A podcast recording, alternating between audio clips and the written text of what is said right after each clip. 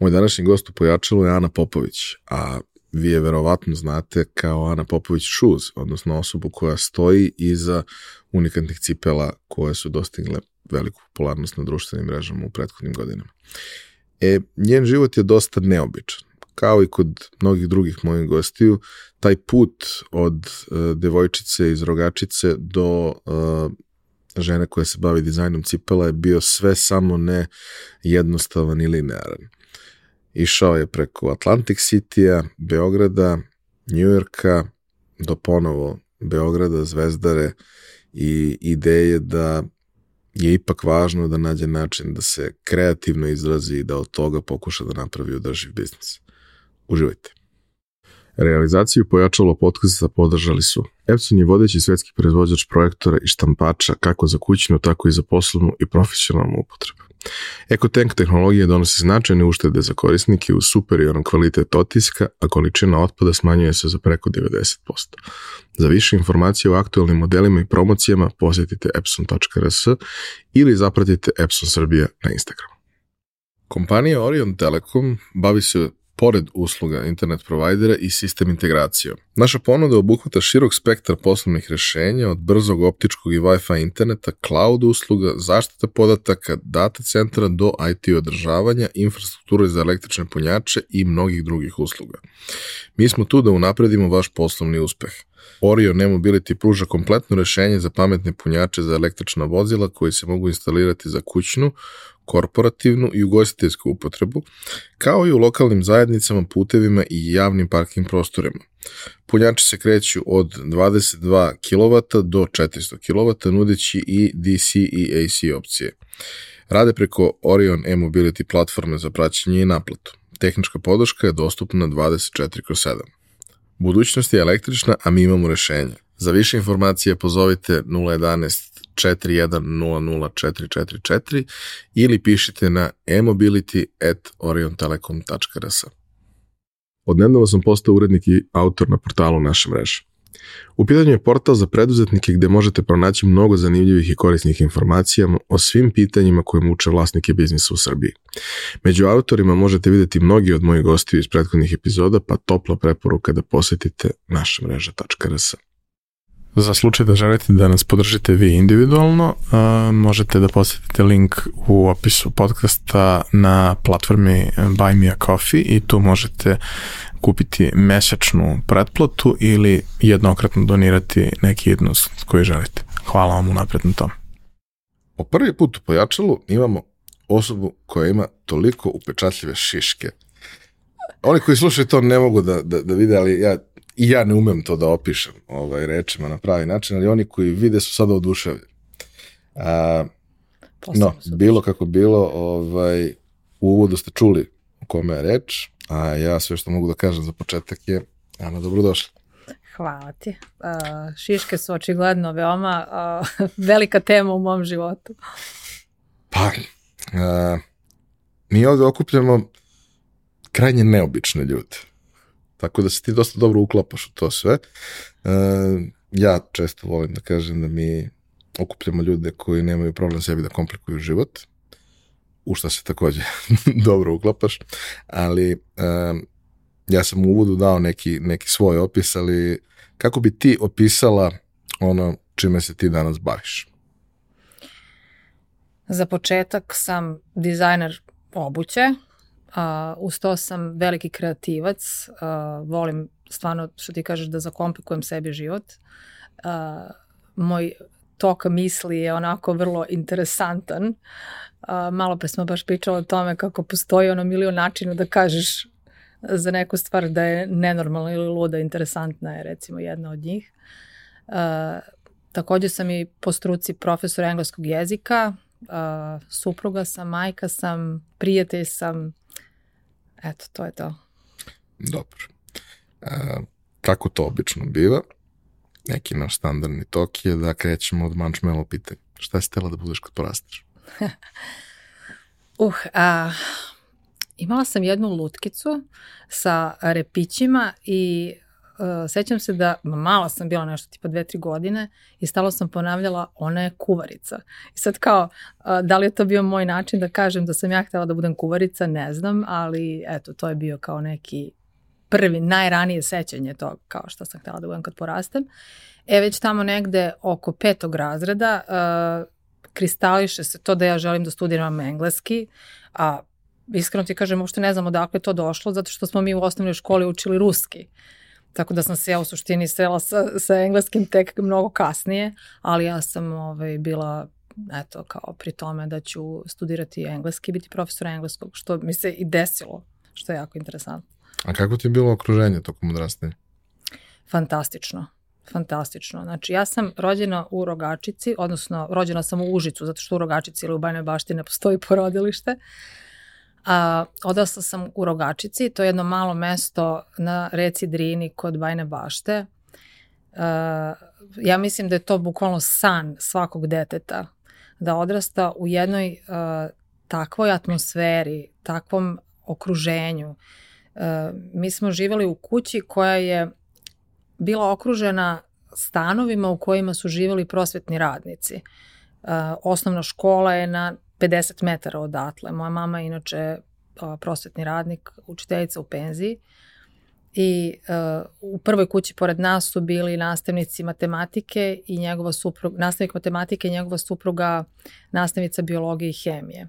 Pored u jednoj zgradi ovako prizemnoj koja je imala tri stana, u prvom stanu naši kumovi, a, profesorka srpskog i nastavnik, a, mislim, on nije bio završio fakultet, ali je isto predavao srpski, u srednjem stanu profesor ruskog i u a, poslednjem stanu učitelj i učiteljica. Učitelj je bio moj učitelj, a učiteljica je bila učiteljica mog brata.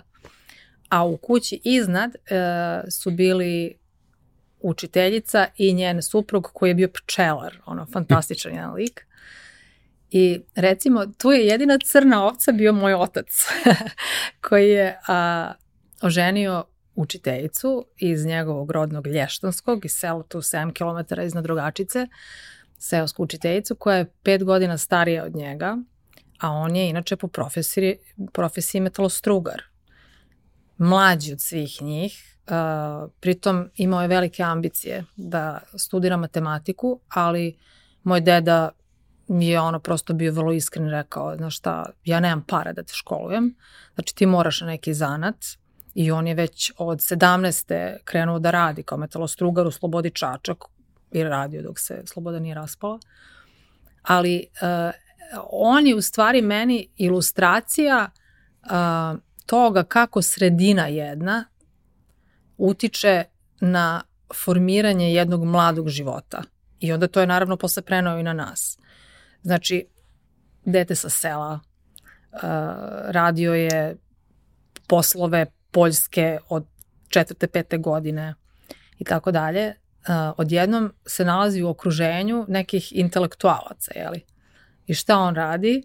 Umesto da on sad nešto vodi neku glavnu reč, on ćuti i gleda ko šta čita, I tad je bilo puno onih putujućih uh, prodavaca knjiga. Znaš, koliko ima tih tomova kod mm. kuće, ovaj, u, rodnom, u, u kući našoj. Uh, tako da puno je čitao, puno je slušao i onda je vrlo brzo došao do tog njihovog nivoa, jeli? I onda je to sve preno i na nas. Znaš, uh, uh, stvarno je atmosfera bila fantastična sećam se kad sam jednom učestvovala na nekom takmičenju iz recitovanja, pa sad dobila sam onu kako se zove, Jesenjinovu ovu mm. kučku, kako se već zvala. Znači, nisam nikako mogla zapamtiti taj tekst i nešto, baš sam mala bila, ono nešto niže razrije osnovne i moja kuma, ta, je li profesor ovog srpskog, uh, ajde da idemo zajedno, proleće neko bilo, ajde da idemo zajedno da beremo jagorčevine i ljubičice, pošto je slušala to za čaj, znaš. I mi u polju i ona sa mnom radi tu pesmu, znaš. Tako da, na, bilo je puno takvih epizoda i zaista sam srećna što, što sam bila okružena tako blagim, dobronamernim ljudima koji su uh, utkali u mene ljubav prema čitanju, ljubav prema na kraju krajeva prijateljstvu, znaš, jer oni su stvarno bili ono, um, znaš, okupljanje ono uveče, baš imam gomilu tih crno-belih fotografija iz tog perioda, stvarno fenomenalno izgleda. A, tako da i ono naravno boravak na polju dok te neko ne utara u kuću jer kao rekao si doći ćeš za pola sata a nemate ne znam ja do koje doba šuma, mahovina, drina, da neizostavno. Tako da jedno fantastično, fantastično detinstvo. I kad si skapirala da hoćeš da budeš ovaj, da se školuješ za, za profesora engleskog, šta onda i kako uopšte ovaj, napraviš taj iskorak i odluku da ideš od kuće i sve što ustoji. Jer imaš i neke opcije koje su ti bliže, koje su ti lakše, ali nemaju to što ti želiš. Uh, malo pre toga u stvari se desio taj iskorak. Uh, moji roditelji su bili izuzetno nekako dalekovidi i već im je bilo jasno da ruski jeste lep jezik i tako dalje rasprostranjen, ali da suštinski svako mora danas da govori engleski jezik. A pošto... Vi ste imali samo jedan strani jezik u osnovnom? Da, da, da, samo ja, jedan strani jezik. Dva. Da, da, ali to, kažem ti, to je mala seoska škola, znaš. I, uh, ali u Bajnoj bašti, 12 km odatle, uh, u jednoj uh, osnovnoj školi, oni imaju dve osnovne škole, održavali su se časovi engleskog jezika za koje je saznao moj tata zato što se njegov šef iz Slobode prijavio za to, znaš. I ja kao, wow, znaš, mogu li ja da idem na te kurseve? I onda moj brat i ja krenemo na te časove engleskog. Naravno, nas dvoje, ono, klinci, ja sam bila, kažem ti, da li pet ili šesti razred, brat je sledeći razred, znači šesti ili sedmi. I, ovaj, I mi, ono, znaš, okruženi tim motorcima, profesionalcima koji kao sad treba da nauče neki engleski jezik jer im treba za posao, za Boga. I, ovaj, i bilo mi je fenomenalno da sam, kad sam u tom trenutku videla razliku između usvajanja znanja kad imaš 12 godina i kad imaš 45, na primjer, godina koliko je imao taj njegov šef u tom trenutku, koji u jednom trenutku mom ocu rekao, daj molim te reci Ani kao mnogo nas sramoti. U fazonu sve zna kao znaš a ja mali ono štreber kao iz prve klupe. Pitajte mene. Ovaj, tako da uh, sva, i tad mi je bilo onako baš jasno da, da je to moj put. I onda posle toga kreće srednja škola. Ja sam uh, u Bajnoj bašti bila u srednjoj školi. U Rogačici nema srednja škola međutim, moj brat je u prvom srednju otišao u Teslu u Beograd, znaš. I nas dvoje smo jako vezani, mnogo smo bliski i, i ovaj, baš mi je nedostajao. I onda bi on došao vikendom kući, donosio bi mi muziku, iskustva, priče i tako dalje. I ti vidiš neki život koji se dešava tvojoj jednoj od najbližih osoba u životu a ti si ono u nekoj manjoj sredini koja je isto zanimljiva na neki svoj način, ali je moj tinejdžerski mozak ipak bio onako mnogo uh, ubrzaniji u tom trenutku od sredine u kojoj sam se kretala, gde, gde ono, postaje mi vrlo brzo jasno da, da ja moram da se sklonim odatle i moram da uh, dođem do nekog tog izvora jeli, informacija. I ja odlučujem u trećoj godini da ću ja u četvrtoj godini da se preselim za Beograd.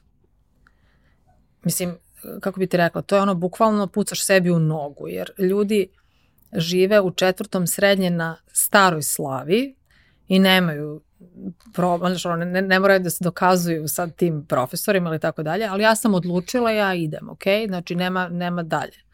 Sedam sa svojim roditeljima, objašnjavam im svoje razloge, oni me podržavaju.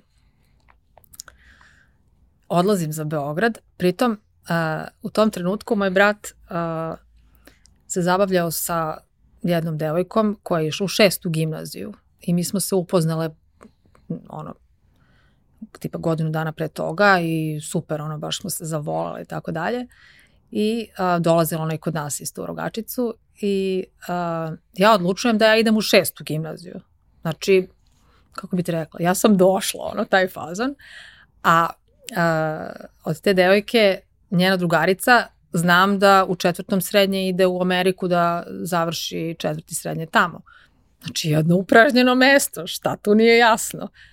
Ja sam bukvalno otišla u, u gimnaziju, u šestu gimnaziju, ušla u tu učionicu u kojoj je moja sadašnja kuma, ovaj, tadašnja drugarica bila, i sela u klupu pored nje. Nikakav upis, nikakav transfer dokumenta, ništa od toga nisam uradila.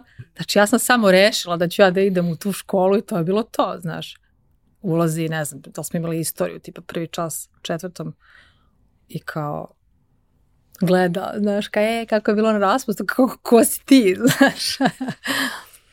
I posle, naravno, ovaj, sve sam obavila što je trebalo da se obavi. E, taj period prilagođavanja na veliki grad je isto bio zanimljiv.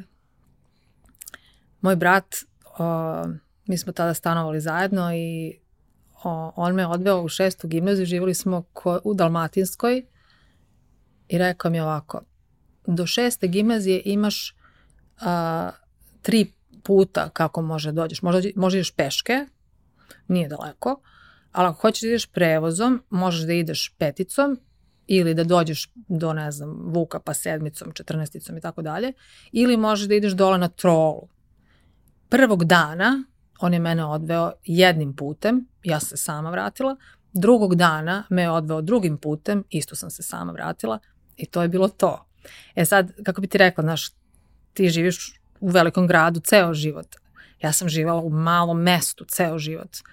I dolazila sam povremeno kod brata, ali to je bilo to, sve na vikend nešto smo, znaš, on te vodi, ti ne obraćaš pažnju, razumeš? E, ja sam bila u fazonu, on mene mrzi, kako je mogu to da mi uradi? A u stvari, e, posle toga sam mu bila najzahvalnija na svetu jer sam naučila u bilo kojoj situaciji da se prosto sama snađem, razumeš? Da, mislim, pričamo o vremenu gde nemaš mobilni da pozoveš, Tako nemaš je. Google Map. Tako je. Ako se izgubiš, to je to. Više te nikad neće videti Tako. dok nekog ne startuješ da zoveš na fiks. Jest. Ali on meni tada rekao, vidi, ako promašiš stanicu, samo pređeš ulicu i vratiš se istim putem. A ti kao, kao ja, pro, znaš, odmah... Pređem ulicu. Ne samo to, nego kao tebi samo ostane ona rečenica, ako promašiš stanicu, znaš. Tako da, m, eto, to je neki period, znači moj četvrti uh, razred srednje škole i onda posle toga, ono, prosto kao eto, idem na faks, idem na filološki, upisat ću engleski, naravno na, posle prvog prijemnog nisam upala na engleski jer je engleski u tom periodu bio ono najpopularniji mogući to pa ono japanski, a ja sam na Uh, pošto staviš tri želje, ja sam stavila engleski jezik i književnost, pa onda japanski i kineski sam stavila čisto onako da ne ostanu dva prazna mesta, ne zato što ja sam bila apsolutno uverena da ću ja upisati engleski, a kako je druga i treća najpopularnija katedra japanski i kineski, ni na te dve nisam upala, pa sam onda upisala ruski, tad mi je bio, ovaj, pošto mi je bilo jednostavnije jer sam već učila ruski ali, sve te godine. I onda sam se posle prebacila jer sam ono, bila dobar student. I kako bilo ono, učiti, da kažem, profesionalno se baviti tim jezikom, makar akademski u početku, jer kao svi smo mi prošli, ne znam, osnovnu i srednju školu, gde ti sad već neki pristojan niz godina učiš taj jezik, ali velika većina ljudi ono, razume u najboljem slučaju upotrebno engleski nekako jer si okružen njim sve vreme pa pokupiš pa kreneš da pričaš mi nemamo sinhronizovane filmove pa si čuo pa muzika pa ovo pa ono. Ja sam recimo bio fantastičan iz ruskog i nikad nisam učio da ga pričam. Takmičio sam se. Mm. Nikad ga nisam propričao. Mogu da ga razumem i danas. Isto.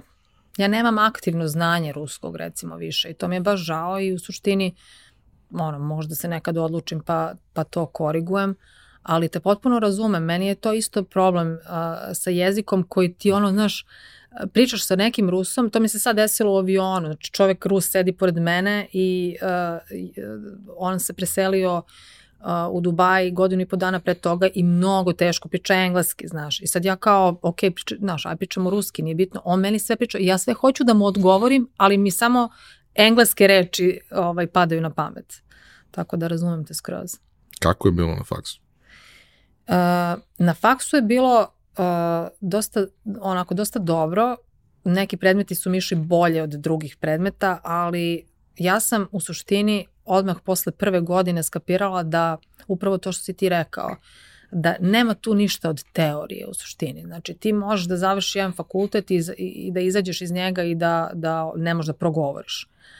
I onda sam posle prve godine, upisala sam drugu godinu i uh, kad sam upisala drugu, odmah sam otišla na onaj Inter-Exchange program, ovaj, to je neka vrsta studentske razmene, ali nije suštinski studentska razmena, nego je onaj program Work and Travel, uh, koji ti omogućava vizu da radiš tamo uh, legalno, pet meseci, to jest 4 plus 1. 4 meseca radiš, još jedan mesec dana, dana tako je. Ovaj, I međutim ja sam ostala ta dve i po godine. Uh -huh. uh, opet silom prilika, ali vidiš, nameštaju se prosto stvari tako kako treba da budu. Otišla sam tako što su moji roditelji pozajemili 2000 dolara, jer sam ja htela da naučim da savladam taj jezik i bilo mi je stalo, ja sam isto tako sela sa njima, porazgovarala, objasnila svoje razloge i tako dalje. Moji roditelji tad, to je bio period 99. da se razumemo, ok? Znači, ono, nemoguća misija. I, a, međutim, ja sam stvarno bila toliko zagrizla da sam im objasnila da ću ja te, taj novac vratiti i sve da be, budu bezbrižni. I on, moj otac je stvarno pozajmio novac da, da ja odem na taj program. I um, radila sam dva posla. I sad, kada onako vratim film, uh, znaš kako je zanimljivo, recimo, da li to to tvoje detinstvo ili šta već, znaš, uh, na, moji roditelji su nas nekako uvek vaspitavali tako da budeš odgovoran, znaš, šta god da radiš da budeš odgovoran, da se trudiš da uvek budeš najbolji u, u tome što ti radiš. Sad ti ono radiš na boardwalku u Atlantic City, prodaješ sladoled, ali ja sam najbolja u tome, znaš, kao. I vrlo brzo, znaš, ta moja, da kažem, ono, radna etika je bila primećena i, znaš, ono, za mesec dana ja dobijem neku, neku napređenje, ja sam kao menadžer smene, znaš, kao na boardwalku u Atlantic City prodajem sladoled, okej? Okay? uh, mislim, fenomenalno, fenomenalno jedno iskustvo u stvari gde ti uh, po prvi, ja po prvi put sam znači potpuno odvojena od svega što znam, znači odlazim negde gde je, znači tad imam 20, 20 godina, ja sam, uh, znači da, ja sam otišla krajem, bilo je bombardovanje, bile su zatvorene granice, mi smo otišli u Budimpeštu po vize, sećam se, i odatle smo otišli za Ameriku, nas tipa pet devojaka sa programa, pošto je ne znam koliko ljudi bilo prijavljeno, muškarci više nisu mogli da idu zbog te vojne obaveze potencijalne, a ovaj, nas pet je na kraju otišlo. I uh, sećam se, znači imam 20 godina i sad kad razmišljam kako su moji roditelji pustili da odem sama tako daleko, to poverenje, to, to je stvarno bilo fenomenalno. Uh, I po prvi put si odgovorno, odraslo, samostalno biće koje mora da vodi računa o svemu što od svim segmentima koji predstavljaju jedan samostalan život, jel da? Uh, živim u kući sa ono 12 ljudi iz raznoraznih delova Evrope, uh, ono, saznajem gomilu nekih a, stvari, odlazim pu, na puno koncerata, tako, znaš, onako živiš jedan lep studentski, da kažem, život, ali u isto vreme, sve vreme razmišljam o tom novcu koji moram da zaradim i koji moram da vratim, jer moj, znači, obraz je u pitanju, ja sam rekla, ja sam dala reč i tako. I uh, bez obzira na to što sam bila vredna i radila dva posla i to, i zaradila tih 2000 dolara, ali otprilike zaradila sam možda 3 ili 4 hiljade dolara sve ukupno, nisam osetila da je trenutak da se vratim. Zato što ja ne mogu da se vratim i da vratim tih 2000 dolara i da onda posle u narednom periodu uh, nemam od čega da živim, jer stvarno ono sećaš si sam, mislim, to je bilo vreme nenormalno, znaš, ono i hiperinflacije i tako dalje. Tako da ja odlučujem da produžim tu svoju vizu, jer uh, legalno možeš da dobiješ taj produžetak da budeš tu još šest meseci i snalazila sam se isto, pošto sam bila eto kao već napravila neki svoj status u toj firmi. Gde sam Menadžer. Menadžerka smene, možeš misliti. ovaj, um, ostajem da radim bez problema. Uh, međutim, uh, to je već sad, uh, znaš, kao prošlo godinu dana, daj da odradim još jed, jedan kao taj, uh, jednu sezonu. I, uh, međutim, onda, znaš, počneš da razmišljaš, jer ja nisam žela da ostajem u zemlji nelegalno, jer kao, prosto, mislim da uh, to nije bila opcija za mene jer sam želala ponovo da se vratim u Ameriku u nekom trenutku kao možda turista ili tako nešto, tako da uh, sam onda shvatila da moram da napravim neki iskorak da sebi obezbedim da legalno ostanem tu, a jedan od načina je bio da krenem na neki njihov faks. Tako da sam onda krenula na fakultet, studirala sam glumu, I to je opet jedno iskustvo samo po sebi vrlo lepo i zanimljivo. Uh, međutim, znaš, ono, toliko ti brzo prođe vreme, razumeš, ja sam bila zaprepašćena da sam ja tu već godinu i po dana, znaš, već druga godina prolazi, sećam se, brat mi je bio u poseti tada, bili smo, bio kod mene jedno mesec, dva dana, znaš, taj, taj ono, bukvalno ti svežinu unese u emocije neko tvoj ko dođe. Ovaj, sama sam bila tamo. I a, međutim, posle eto dve i po godine dolazi do trenutka kada shvatam da sam baš onako usamljena i da ono, baka mi je preminula a, nazad kod kuće i baš sam bila onako tužna i o, jako sam bila vezana za nju, iznenada da je preminula. I onda sam prosto shvatila da je vreme da se vratim u Srbiju. I osim toga što ti, što si bila ovaj, tužna i usamljena, jesi imala ikakvu ideju šta dalje? Jel ti donelo tih dve i po godine tamo nekakvu, ono, nemam pojem, promenu u glavi u smislu sad više nisi samo menadžerka smene, nego si shvatila kako je biti ne znam, preduzetnica ili nešto drugo, prosto ne, nešto ti je palo na pamet što ovde postoji prilika da se radi, a ti si mogla da radiš. Šta, šta ti je bila ideja kad se vratiš, osim samo da se vratiš? Da, da. E, ja sam razmišljala na sledeći način. Ok, zašto sam ja ovde došla? Znaš, to mi je onako baš bilo bitno pitanje koje me u stvari i usmerilo kasnije da, da nastavim taj svoj život na taj način. Uh, ja sam znači došla ovde da usavršim engleski, ali to bila početna ovaj, stanica, ok. Usavršila sam engleski sada, znači mislim da treba da se vratim i da završim fakultet, jer to je bila neka početna ideja, jeli.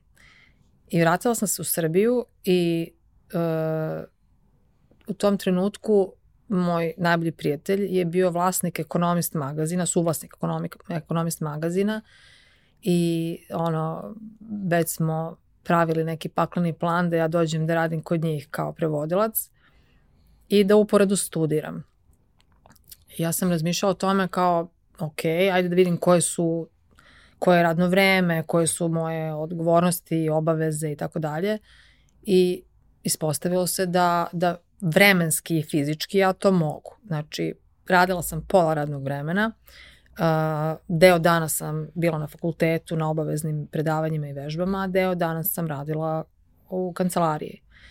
E, bila mi je ideja, ok, ajde da završimo, da završimo ovaj fakultet i onda ću da razmislim o tome čim stvarno želim da se bavim.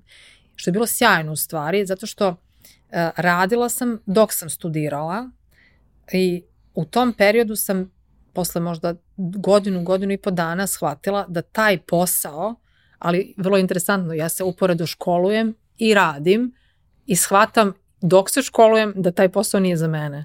Razumeš? Ali zato što imam tu usađenu odgovornost i prosto ne volim da odustajem od stvari, rešila sam, ok, završit ću fakultet, pa ćemo onda da vidimo šta dalje. E, na svu sreću, u tom trenutku, otprilike moja završna godina, pojavljuje se jedan čovek u ekonomistu koji odlučuje da otvori odeljenje za konferencije. Tad su konferencije bile fantastično profitabilne, e, znači sponzori su imali dosta duboke džepove, a, a mi smo opet radili onako neke fine a, niš teme. I kad je pitao kao da li neko od vas želi da se prebaci u ovo odeljenje, ja sam naravno obe ručke prihvatila, još kad je objasnio i način rada, dinamiku, konstantno ovaj, upoznavanje nekih novih zanimljivih ljudi, to je ono bio meni no-brainer, znaš. Tako da, eto, možda mi se tu malo posrećilo, malo mi je to onako palo u krilo, ta, uh, ta karijerna odluka nije bila u suštini samo moja, ali uh, mi je onako otvorila jedan neverovatan novi horizont. Pričamo o periodu od, otprilike pre 20 godina. Da. Kada je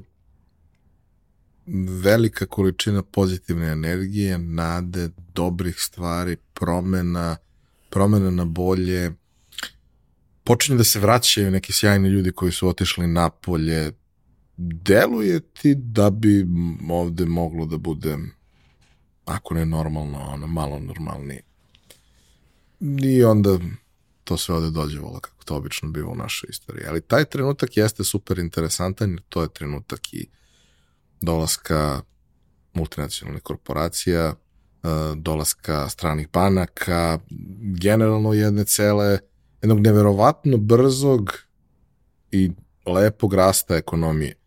Ubrzo nakon toga se liberalizuju vize, sve veći broj mladih ljudi dolazi uopšte u poziciju da može da putuje, dolazi sve više ljudi, ovde dešava se nešto, ima neka dobra energija i onda naravno kao pojavljaju se konsultantske kuće, pojavljuju se stručni događaj, pojavljaju se stručna literatura koja isto nije postao, pojavljaju se privatni fakulteti, svašta nešto. Znači, trenutak jeste ono perfect storm.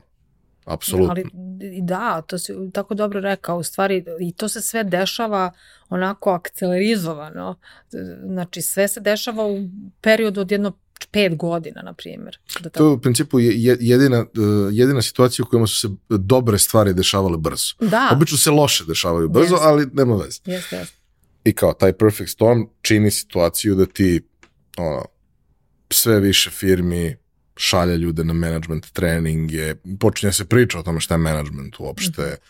počinje marketing da se tretira kao nešto što je malo više od samo reklame na dnevniku i tako dalje, billboardi počinju da se pojavljaju po gradu. Grad počinje da izgleda kao nešto što je ušlo u drugu polovinu 20. veka. Mhm. Ove, jer sve ono pre toga je bilo užasno sivo, depresivno, sa, sa onim porušenim zgradama od bombardovanja koje neki dan danas gledamo kad prolazimo, ali postoji ta neka velika količina nade svega, mogućnosti, zaista mogućnosti, realnih mogućnosti. I uh, u tom trenutku biti na izvoru toga sa brendom kakav ste vi u tom trenutku imali je sigurno sjajno. Znači, pomenula si otprilike šta ste radili, ali kao daj malo konkretnije na koji način je to bilo interesantno i ispunjavajuće. Pošto mislim da neko ko nije organizovao događaj ne može da shvati kako to zapravo izgleda. Da, ti to vrlo dobro znaš i onda Znam me razumeš. Da te pita.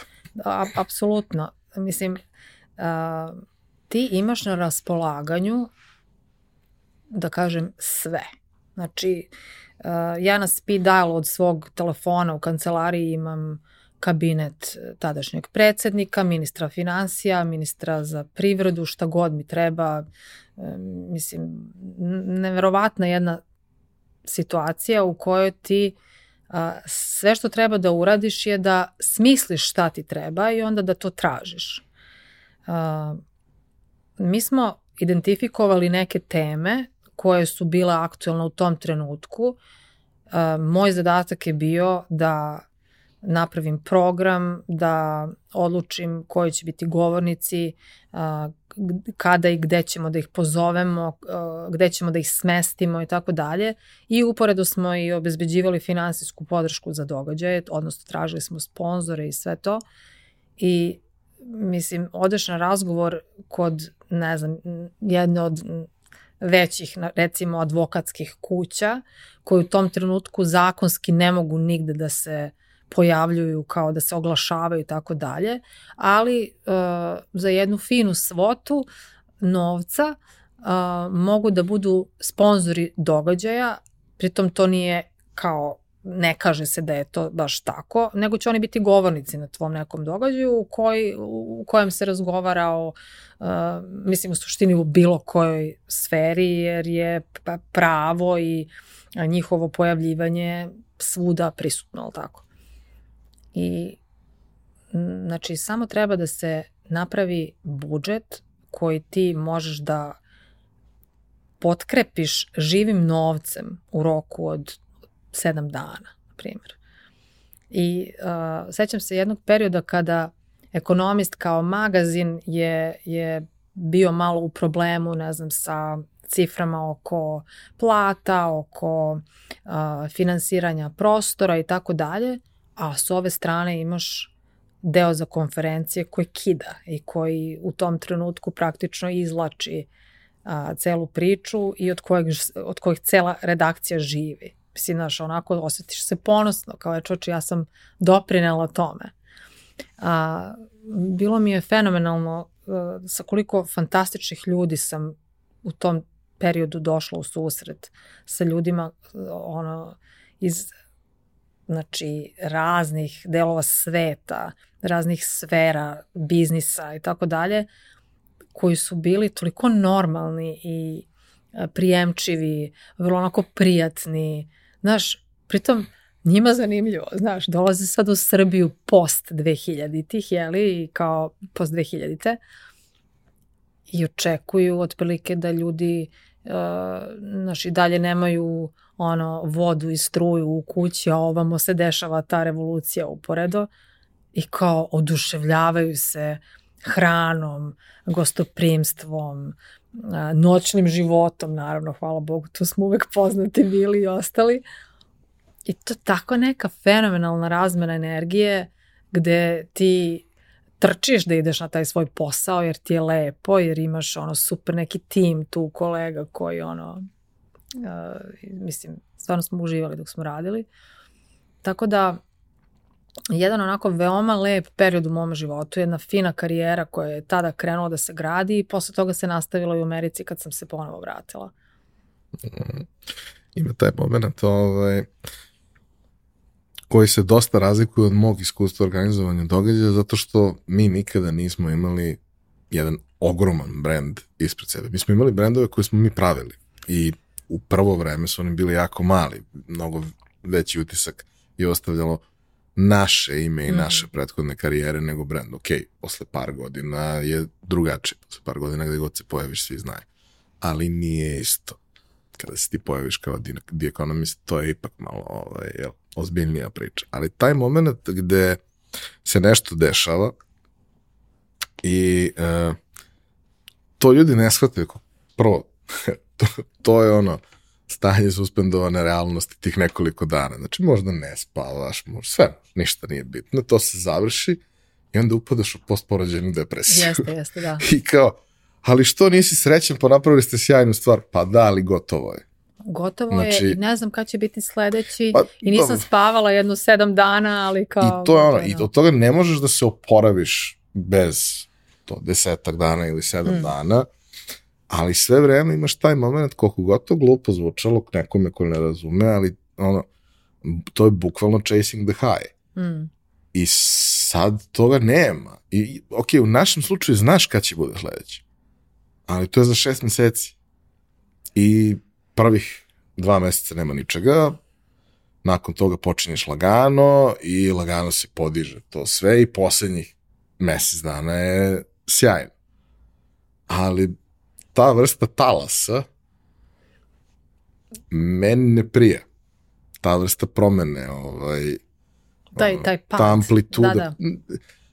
Sama činjenica da, da nisi stalno nabrijan i, i, i na vrhu, a sa druge strane sam svestan toga da kada bi to bilo tako, ja bi za dva meseca umro. Jeste, jeste. Jer da. kao, znaš, jednostavno ne možeš da izdržiš. Mm ima ljudi koji mogu da izdrže, pričali smo pre smo počeli da snimamo u Srđanu Ercegu, da. znači, o, ali mislim, Srđana možda treba semplovati, istraživati i sve ostalo, ali i ne treba mu pridavati ljudske karakteristike, ali to što on nešto može ili to što ja nešto mogu i to što ti nešto možeš ne znači da to može svako i ne znači da to može uvek. Ali to kad kažeš srđan, znači, uh, ovaj, podsjetilo me to na jednu situaciju, jedan moj jako dobar prijatelj uh, iz Amerike, koji inače bubnjar, poznati jazz bubnjar, završio Berkeley i ono fantastičan jedan mozak, ono neprepričljiv, bukvalno ne, nikog ne poznajem kao što je on. Uh, izašao je da trči i imao je uh, moždani udar. I sve je bilo u redu, na vreme su došli, sve je bilo sasvim ok, on, je, on se potpuno oporavio, ali kad je bio u bolnici, uh, kako su ga stavili na CTG i ono gledali snimak njegovog mozga, žena je bila u fazonu kakav je ovo mozak, od prilike ono sinapse koje su kod njega iz, ono, mozak kako je izboran kod njega, kaže ona to nikad u životu nije videla. I samo me živo zanima, kad bi neko stavio srđana na tako neki test, kako bi taj njegov snimak izgledao.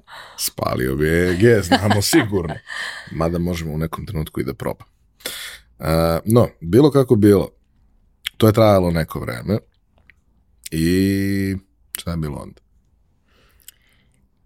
Nakon što sam se vratila iz Amerike prvi put, uh, ne znam da ti kažem zašto, stvarno nemam pojma, ali uh, delovalo mi je kao dobra ideja da pošaljem prijavu za zelenu kartu, za, znaš ona lutrija za zelenu kartu.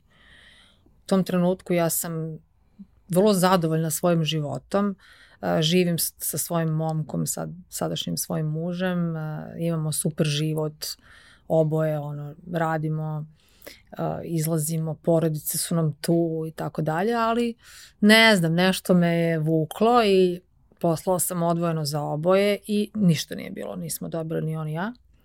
Međutim, dođe sledeća godina i ja kao, ajde da probamo još jednom i kao to je to. I te godine izvuku Sašu mog muža sadašnjeg i a, nastupa panika. Kao šta sam, what have I done, znaš, šta sam uradila. A, to je period 2005. A,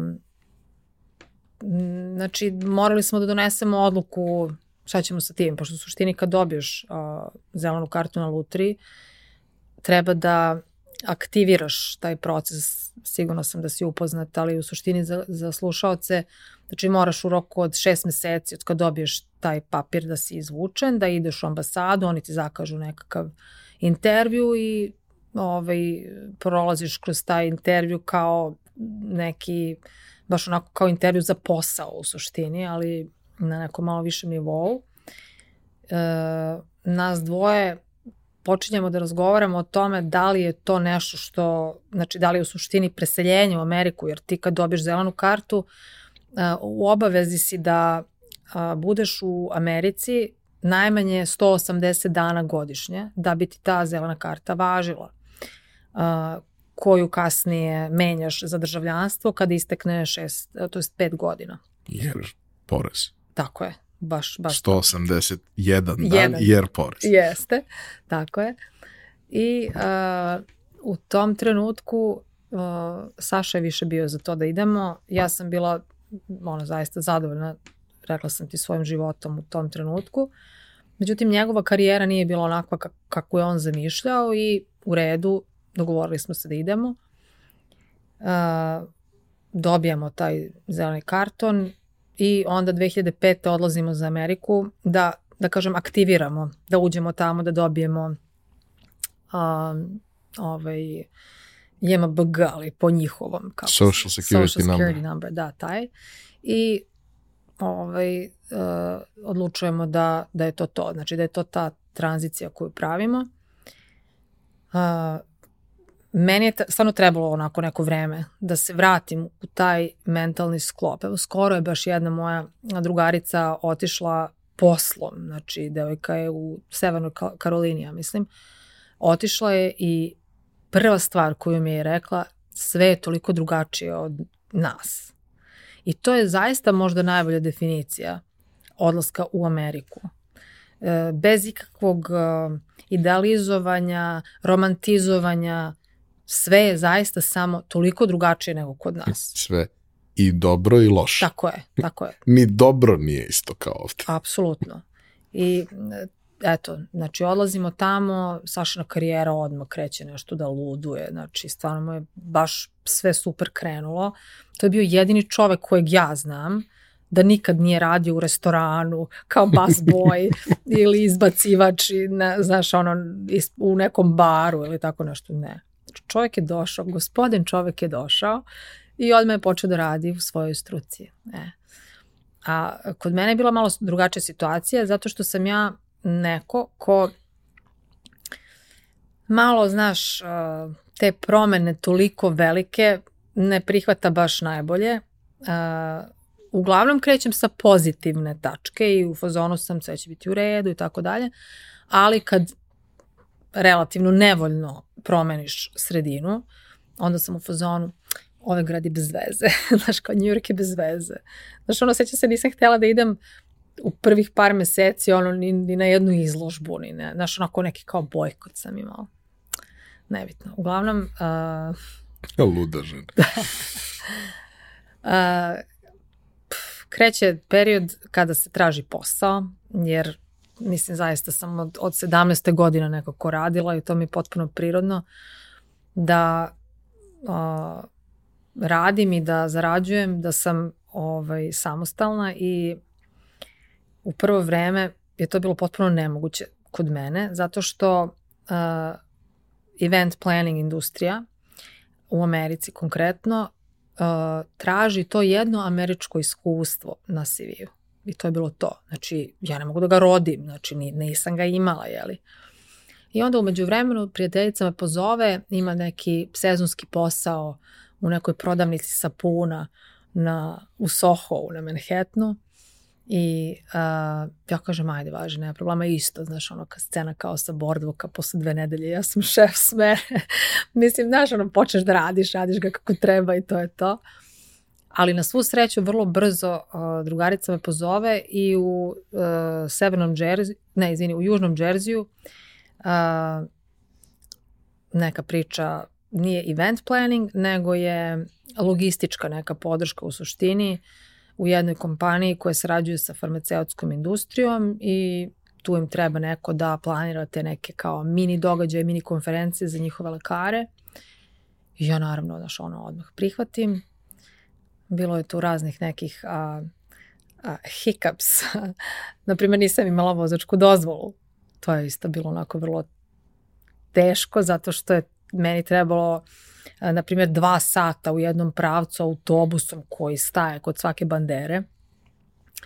I ja onda prihvatam posao pre nego što imam reš, rešenje ovaj, za vožnju i tako dalje.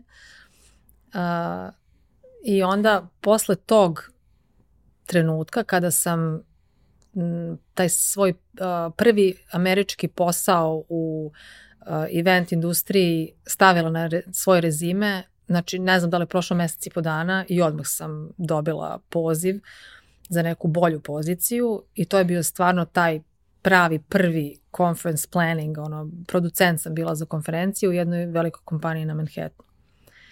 Uh, dolazim tamo, znaš, ti si producent i ti radiš samo jednu stvar. Znaš ti koliko je to čudno osobi i, Ne znam šta je tu zanimljivo ako ćemo iskreno ovaj dobro. Tako je, ali znaš, e, ti, tvoj posao je samo da napraviš program i da pozoveš govornike. Ja kao, a dobro, a ko, ko radi, a, e, ko prikuplja njihove biografije, ko obezbeđuje njihov dolazak ovde, a, e, gde će da spavaju, šta će da jedu, znaš, a, pamfleti da se štampaju. Mhm. -huh. Mi za sve to imamo drugog čoveka, znaš, i tako ono, bilo je onako vrlo šokantno za mene a, iskustvo ali vrlo brzo se navikneš da, da radiš na tak, u, u nekom tom kao uh, uređenom, uređenom sistemu. sistemu. E, ali znaš šta je recimo meni bio najveći šok, iskreno. Ekonomist je bio sjajno mesto, a međutim to je već 2005 Uh, već se nazire kraj onog talasa o kojem smo pričali na početku. Uh, neki sponzori se povlače, novca je sve manje I onda kreću da nam kasne plate i sad ne znam, ono, možda svakog drugog meseca dobijemo platu ili na primjer znaš dobiješ platu pa onda kao kasnije ti sledeća a ti si već ono što je trebalo da dobiješ potrošio i tako dalje. Sećam da mi je najveći šok bio kad nam svakog prvog legne plata, ono, a, a nikog nisi morao da pitaš, znaš. I niko ti nije rekao da je legla i ti Tako ne je. znaš da je legla. Ti nemaš pojma. I samo kao uđeš tamo, znaš, ono, pošto naravno već, znaš, uđeš na aplikaciji ovaj, u tom periodu u Americi i kao gledaš, kao, vidi, cela, cela moja plata je na računu, znaš. Tako da trebalo mi je neko vreme da se naviknem i na te pozitivne stvari, ali e, vrlo lep period, e, mislim, ono, baš ba- blagostanje jedno gde oboje radimo, e, dosta putujemo, dosta onako istražujemo grad, mislim, stvarno jedan onako fin period koji nas je možda e, napunio tom pozitivnom energijom da budemo spremni za taj sledeći period u životu koji je nastupio, a to je formiranje porodice. Mislim, to nam je bio ceo plan u suštini, da, da imamo decu, da imamo porodicu i a, to je opet donelo novi neki set nekakvih izazova, ali a, sve u svemu jedno veoma pozitivno iskustvo. A kaži mi, ovaj, pošto to je tvoj drugi boravak u Americi, a ni prvi nije bio dve nedelje turistički, nego je bio neko vreme. Koliko je različito iskustvo bilo prvi i drugi put? Ne samo taj moment da se upoznaješ sa tim, nego prosto u prvoj varijanti si ti tu svesno privremeno, radiš poslove koji nisu neka trajna opcija za odraslu osobu i tako dalje, niti ti sad imaš mogućnost da nešto mnogo napreduješ zato što svakog trenutka možeš da odeš, manje više. Nije to baš tako, ali nije ni da nije. Dok ovde sad gradiš, napreduješ, napreduješ na neku, nekoj, u nekom društvenom kontekstu na nekoj društvenoj lestvici si mnogo više od uh, menadžerske smene na uh, boardwalku u, u Atlantic City-u. I onda samim tim kapiram da je iskustvo potpuno drugačije. Da vidiš Jeste. gomilu nekih lejera koji su ti potpuno nedostupni, ne znaš ni da postoje kad si tu samo privremeno. Pa prva razlika je u tome što, si, što sam prvi put bila sama tu i nekako uh, ti si jedna uh, jedinka koja funkcioniše u nekom sistemu ljudi koji su kao što ti kažeš svi smo došli sa nekim istim uh, ciljem da budemo tu svega tih par meseci i posle toga se svako vraća na nekom svom životu. A, pošto je prošlo eto, znači jedno 6-7 godina neminovno je došlo do tog uh, sazrevanja uh, eto, znači već sam imala partnera sa kojim sam neko vreme živala, razmišljaš o nekoj sledećoj fazi svog života.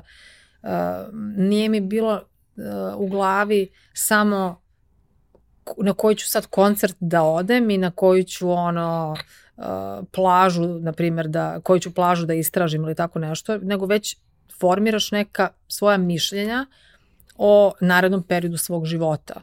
Uh, to mi se baš desilo posle kasnije u uh, Njujorku u toj drugoj fazi, gde ti imaš sad određeni neki izbor da li ćeš da gradiš karijeru u nekom smislu u kom si je do tada gradio u Srbiji, znači da uzmeš to, tu priliku koja ti je data i da od nje izvučeš najbolje, ili ćeš da, eto, radiš neke privremene, povremene poslove kao što sam radila to na početku i definitivno mi je uh, privlačnije delovala ova prva opcija. Uh, fenomenalna stvar kod Amerike koju sam mislim oba puta, ali u drugoj toj uh, turi onako stvarno shvatila na najbolji mogući način je da šta god ti padne na pamet da radiš, možeš to da radiš tamo. Znači, nije ona varijanta, e, ne može, e, kako ćemo, ne, to društvo je prosto napravljeno da te stimuliše da možeš samo napred i tako dalje. Mislim, to je velika razlika između njih i nas. I to mi je mnogo prijelo, znaš. I to sa početka našeg razgovora, ta taj osjećaj odgovornosti koji je bukvalno utkan u, u, u moj DNK, eto kako sam odrastala, e, je meni tada uh, bio onako od velike koristi, zato što uh, vrlo brzo sam napredovala i u tom poslu, jeli. Znaš, dobijala sam mnogo zanimljivije projekte, po 6-7 projekata u istom trenutku, uh, onako, stvarno sam se osjećala kao da kad ono zaista zapneš i radiš onako najbolje što možeš, da to neko primeti i da si nagrađen zbog toga. E sad jedina razlika je u tome što možda ja nisam baš najbolja osoba za rad u korporaciji, jer, a, znaš, mi smo hteli da putujemo. Mi smo hteli da, da s vremena vreme dođemo i u Srbiju, da budemo tu po 3-4 nedelje. Međutim, to naravno ne možeš, jer u Americi ti je godišnji odmor od prilike dve nedelje leti i nedelju dana zimi, znači, mislim, ne znam šta treba da ti se desi, da ti daju nešto kao da spojiš te tri nedelje u jedan odmor i tako dalje. Tako da tu sam već onako počela da nazirem da, da korporacija nije baš mesto koje mene ispunjava. Uh, I ok, stvari su se izdešavale tako da je to prosto se namestilo. Uh, dobijam prvo dete, posle toga, tad sam bila još u toj kompaniji, uh, posle dve godine i tri meseca drugo dete i posle kad su one bile tako male, nisam, viš, e, pošto sam prvo sa prvom čerkom bila na tom um, porodijskom, pa sam radila od kuće još dok se druga nije rodila i sa dve male bebe je bilo prosto nemoguće i onda ja zvanično znači prestajem da radim uh, kad se druga čerka rodila i u tom trenutku postajem ono što bi Ameri rekli stay at home mom, znači žena domaćica, jeli, majka i um, to je jedna velika prekretnica u mom životu. Taj mm, period. Na koji način? Pa sad zamisli sebe, uh, radiš tim svojim tempom nenormalnim kojim radiš i da smo svi u šoku kako se stižeš i tako dalje. I odjednom neko kaže 3-4 sad, sad si samo, na primer, otac ili recimo samo si jedna ta uloga. I to je to. Znači, uh, u, u prvo vreme, naravno, mislim, nemaš ti tu puno vremena da razmišljaš kao o sebi. Imaš to dvoje male dece i posvećen si ako je to tvoja, jeli, o, misija, kao što je bila moja. Ja sam stvarno želala tu decu, nije u tome stvar. Ali ta vrsta tranzicije od nekoga ko igra toliko drugih uloga, da budeš sveden na samo tu jednu ulogu, je ono što je mene potpuno ono frapiralo ta, ta, to osjećanje. Uh, definitivno mi nije prijelo, a opet sad sa ove perspektive ja bih to sve isto uradila. Znači, potpuno isto. Što je vrlo onako možda kontradiktorno Jeste zvuči. luda žena, jasno. da, da, kontradiktorno zvuči, ali zaista je tako. Znači, nisam videla načina da imam a, zdravu, pravu, srećnu decu, ja lično, znači samo pričam svoje ime, a, a da ih odgaja neko drugi. Znači, taj drugi bi bila ili neka institucija, neki vrtić, ali govorimo od perioda od a, dva meseca, pošto je porodiljsko tamo, jeli, kad se prirodnim, prirodnim putem porodiš, a, 12 nedelja. Tako da, znači, 13. tri meseca, ali ja nisam otišla na porodiljsko o, dan pre porođaja. Otišla sam možda tri nedelje pre porođaja, što je mhm. isto ovde šok e, za sve moje prijateljice, jer one, ono, znaš, uzmu od šestog meseca, recimo, ili tako nešto, taj neko neplaćeno ili kako god, porodijsko, trudničko u stvari. Trudničko? Trudničko, da, da. Tako da, uh, velika promena uh, i vrlo brzo shvatam da, znaš, ono, ok, ovo je, znaš, onaj fazon kao rudnika, kao ok, to sad radim, ja sam, znaš, ali sa druge strane, gledaš te dve male osobice koje se ono razvijaju u fantastičnu decu i srećne su i tako dalje i opet osjećaš neku nevrovatnu satisfakciju.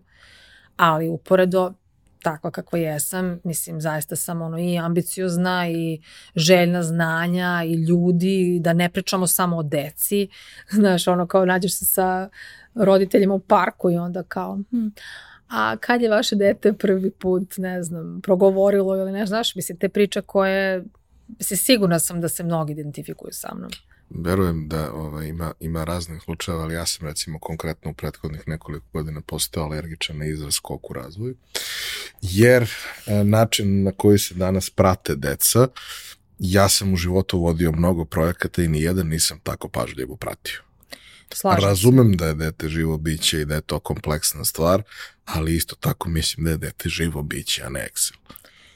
Potpuno slažem. Ja ne znam šta se desilo, stvarno. Ne znam kad se ta promena desila, ali znači čak i u poslednje vreme, pošto su moja deca imaju 13 i 15 godina, znači ja nisam Uh, hoću da kažem, već, već je prošao neki period... Znaš ti su, staž. Tako je, tako je, znači prošao neki period od kad su one bile male, ali znači često mi se dešava da onako gledam uh, ljude oko sebe koji imaju malu decu, upravo to što si rekao, uh, Znaš, sad je to neki projekat, pa je to sad ispunjavanje vremena deteta od godinu i po dana nekim aktivnostima, nekim stemovima, ne znam, ja mislim svaka čast svakome, ali zaista, evo, moje, to je samo opet moje mišljenje, znači, videla sam da je naj, uh,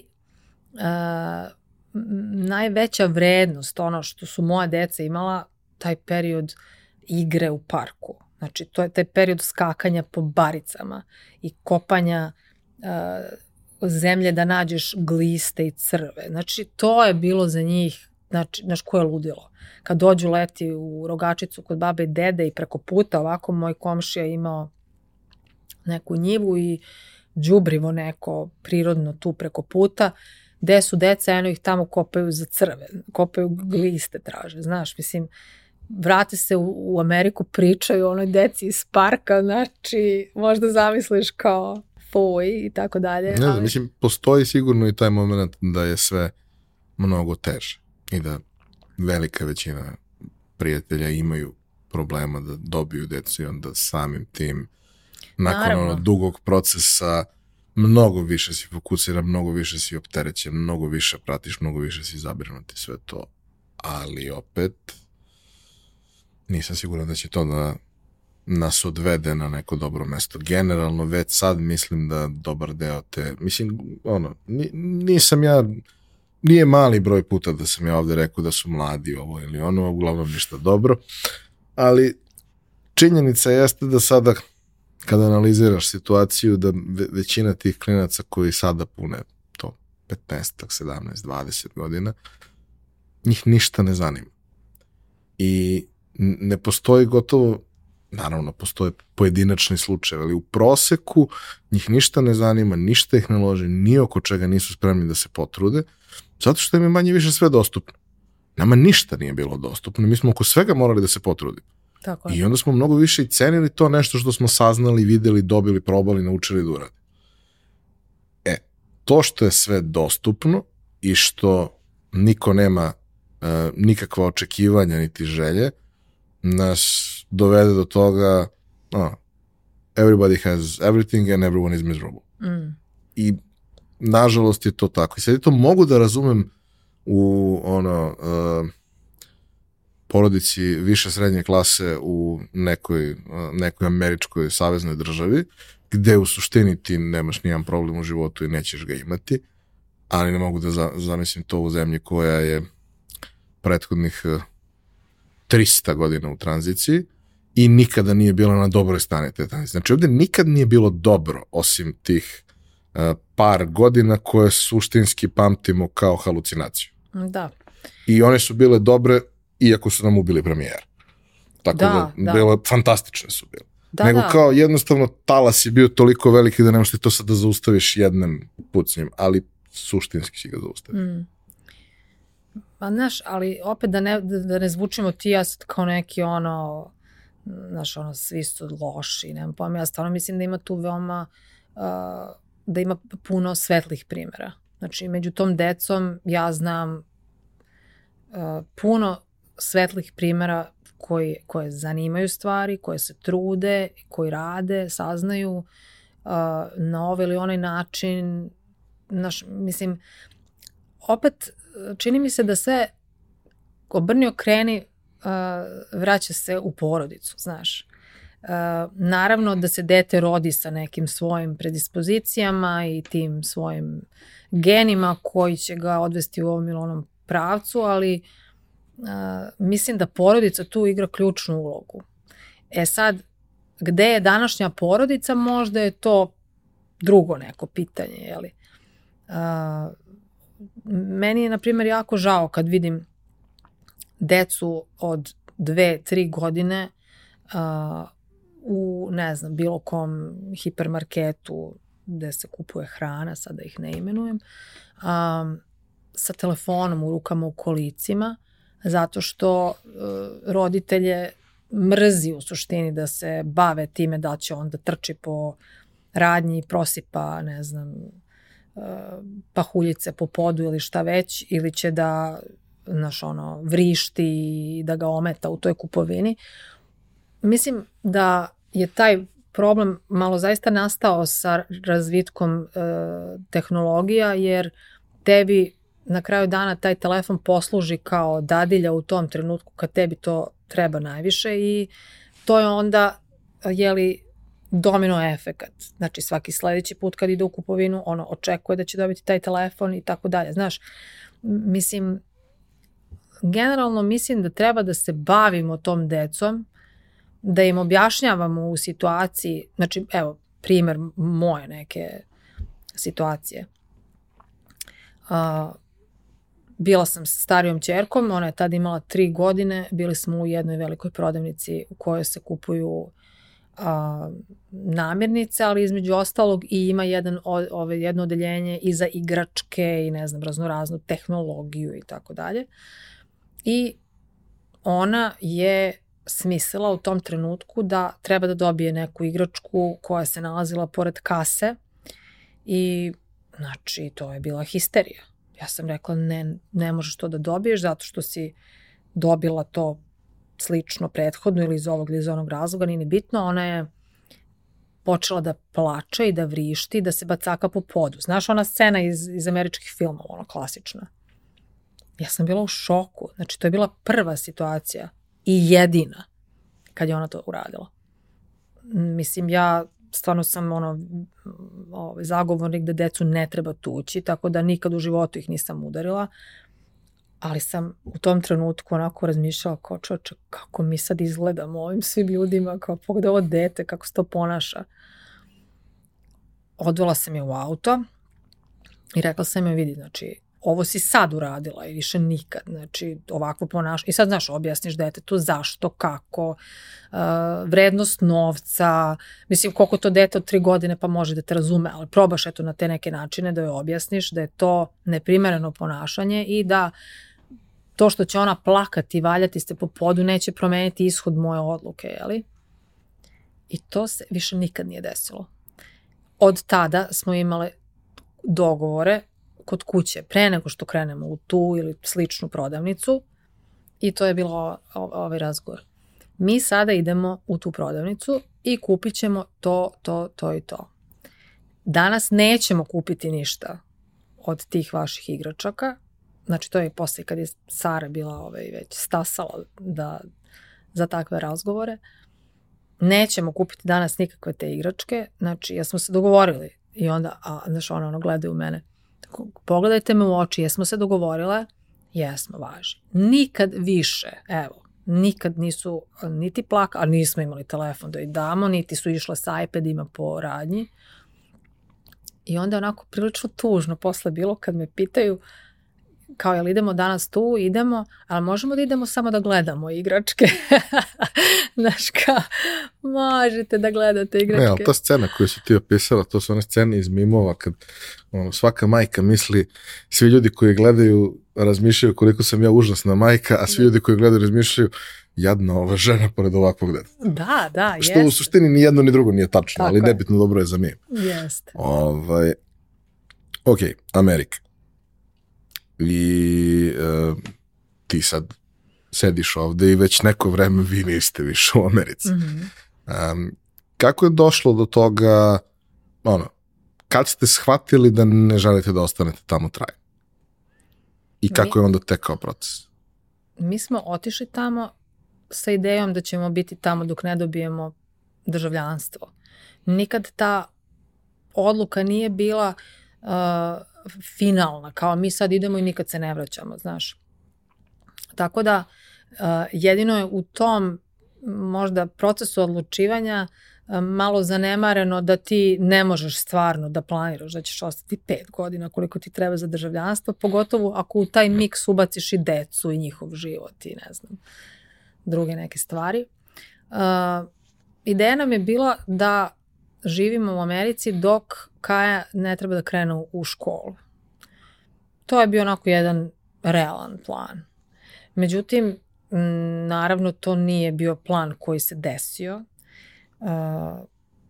Sašina karijera je bila uspona u tom trenutku, prosto nije imalo smisla da on to sad ostavlja i da se mi vraćamo za Srbiju. Kaja je bila već uh, u trećem razredu, Sara u prvom, kada smo mi počeli da razgovaramo na temu povratka. Međutim, to je bilo nešto onako što se usput pomene ono, u šetnji ili uh, uveče, ne znam, dok sedimo i, i pričamo i nikad nije bilo onako nešto konkretno kao, e, to je to sad, jel da, jel pakujemo stvari, ok, idemo. I onda se desio jedan posao uh, Sašin za jednu našu veliku gamersku kompaniju i pozvali su ga da radi, pošto u tom periodu jako malo ljudi je radilo UX, on je UX dizajner, jako malo ljudi je znalo u stvari šta je UX i zvali su ga da dođe da radi sa njima na nekom projektu.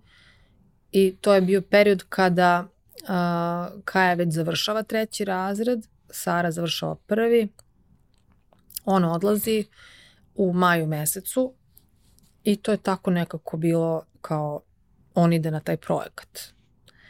Uh, u glavi mi je bila ta mogućnost da će možda, eto, eventualno to biti neki okidač i da ćemo u tom periodu, eto, početi tu tranziciju, ali nisam mislila da će se to desiti te godine. S druge strane, kad je dete u školskom sistemu nekom, bilo kom, ti gledaš koje su one a, prekretnice, one prekretne godine. U Americi je to middle school, znači od šestog razreda a, dete ili menja školu ili prelazi u taj njihov, da kažem, srednji nivo obrazovanja. Prvo je osnovna, pa srednja, pa onda ono high school. I A opet sa druge strane to se baš ne gađa sa srpskim sistemom. Jeli? Znači, četvrti razred bi trebalo ona da je u tom trenutku, ali u stvari prekretnica je peti razred, ili tako? Tako da ja nisam mislila da će se tada desiti. Uh, međutim, Saša kako je bio u Srbiji bez nas dva meseca, uh, počeo je da razmišlja o tome da naš ono u komunikaciji sa prijateljima koji su u tom trenutku isto imali decu i E, šta su ta njihova deca radila, za koje pare su se, na primer, bavili nekim ozbiljnim sportom i uh, naš, naša deca su u tom trenutku uh, Sara ozbiljno trenira gimnastiku, uh, Kaja ozbiljno trenira kung fu, znači brown pojas u tom trenutku, ova mala već isto takmičenja i tako dalje. I kao, sećam se odlično, u tom trenutku kada uh, Sara, znači, sa, sa sedam godina, uh, nju pozovu da ide u neki drugi nivo takmičarski za gimnastiku i daju nam plan i program, to je bilo u junu mesecu 2017. daju nam plan i program tih takmičenja i uh, plan i program finansijski. Ja se sećam da samo što nisam pala sa stolice kad su nam rekli da za tu godinu narednu uh, ima 12 velikih takmičenja od kojih su, na primer, četiri uh, na primjer, ne znam, u Kaliforniji ili tako negde, gde ti naravno plaćaš sve troškove svega i karte i smešta i tako dalje. obavezni kampovi, obavezne pripreme i tako dalje, ti u suštini već vidiš tvoje dete koje ovaj, povlačiš iz osnovne škole i ono homeschooluješ ga otprilike da bi moglo da isprati taj njihov nivo i e, cena celog tog programa zajedno sa opremom koju treba da platiš je 8000 dolara. Znači za jedno dete. U tom trenutku u Srbiji imaš pet drugih recimo klubova gimnastičarskih, gde, gimnastičkih, gde ta cena, mislim, ta cifra nije ni deseti deo toga, jeli? da se ozbiljno baviš time. E sad, naravno, možemo da razgovaramo o nivoima treninga, o kvalitetu i tako dalje, ali u suštini uh, dešava se to da moramo da donesemo neku odluku vrlo brzo pre nego što uđemo od neki, u neki od tih prekretnih momenta u njihovim životima. To tipa da li je škola u pitanju ili je sport u pitanju, šta god. I on kako je bio tu i ovaj, mislim, ono, bio po nekim raznim i privatnim i osnovnim školama i gledao malo pričao sa ljudima, njemu je u tom trenutku delovalo kao da je Beograd uh, dobro mesto za njihovo osamostaljivanje.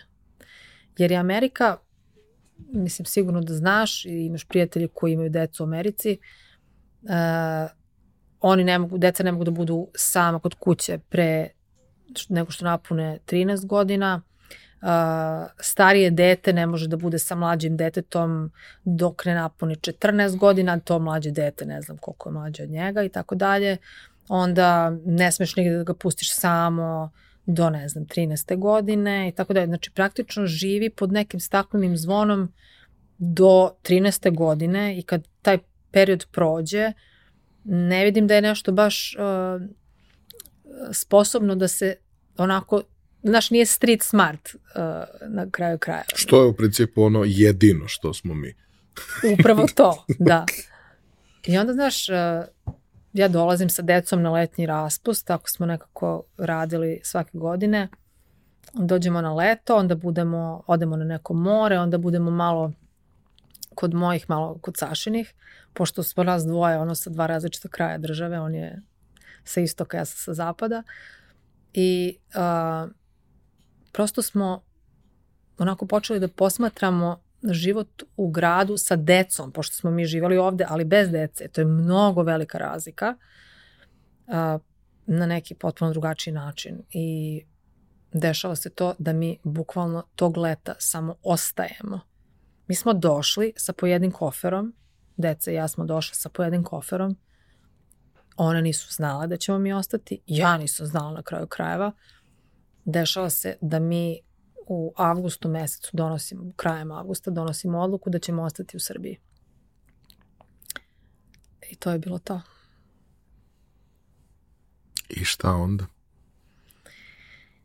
E onda nastupa period uh, prilagođavanja na nešto što ti je poznato, ali je mnogo drugačije od onog što pamtiš, mnogo drugačije zato što imaš još decu u toj kombinaciji, njih dve koje ono, mislim, starija čerka baš teško podnosi preseljenje, jer ono, do desete godine je tu a, znala samo za taj način života i imala je svoje prijatelje tamo i mislim već je dugo i u tom školskom sistemu mi ih upisujemo u državnu školu. To je isto ovaj, jedna odluka koju smo doneli, iako smo bili uh, u raznim privatnim školama i na kraju smo donali odluku da ih upišemo u državnu, mislim iz više razloga. U svakom slučaju, narednih par meseci je dosta turbulentno i a, praktično je ta turbulencija trajala dok a, njih dve nisu našle svoju neku ekipu i uklopile se u društvo i onda, znaš, već malo po malo pa se tenzija smirivala. A, meni biznis, a, znači, ne da je, u stvari, da tako kažem, možda je u tom trenutku biznis moj sa cipelama počeo zapravo da postoji u ovom obliku u kom danas izgleda. A kako je počeo uopšte? E da, to nismo pričali. Uh, počeo je tako što sam ja neko ko, ko je jako kreativan i e, treba mu uvek neki hobi. Uh, pronalazim onako, tražila sam kao neki kreativni kurs da ono, bude mojih pet minuta, znaš, da idem negde da upoznam neke kreativce, da radim nešto rukama i tako dalje. I od svih stvari, onako najprimamljiviji mi je delovao taj kurs za ručnu izradu obuće. Mm, kao, ok, ono, baš zanimljivo zvuči, jer stvarno mi je nekako ceo život obuća bila u fokusu kao što ne znam, nekome su majice, nekome su satovi, nekome su torbe, patike, šta god, meni je obuća bila u fokusu i nakon uh, prvog, drugog kursa i, i nakon izrade prvog para tih cipela svojim sobstvenim rukama i ono, obuješ ih, izađeš na ulicu i prošetaš u njima Njujorkom i ono, kao, wow, to je to. Kao, zašto se ja nisam ovim bavila čitavog života? Mislim da je mene ta profesija prosto pronašla. Mislim, ono, nabasala sam na nešto što je trebalo da bude samo hobi, a onda je to poprimilo neki svoj samostalni život. A, pronalazim jedan a, sajem u Italiji koji, koji se bavi ovaj, svim ovim repromaterijalima, znači šta god možeš da zamisliš, ovaj, to možeš da nađeš na tom sajmu, odlazim na taj sajam i potpuno budem ono, zaljubljujem se na prvi pogled u suštini.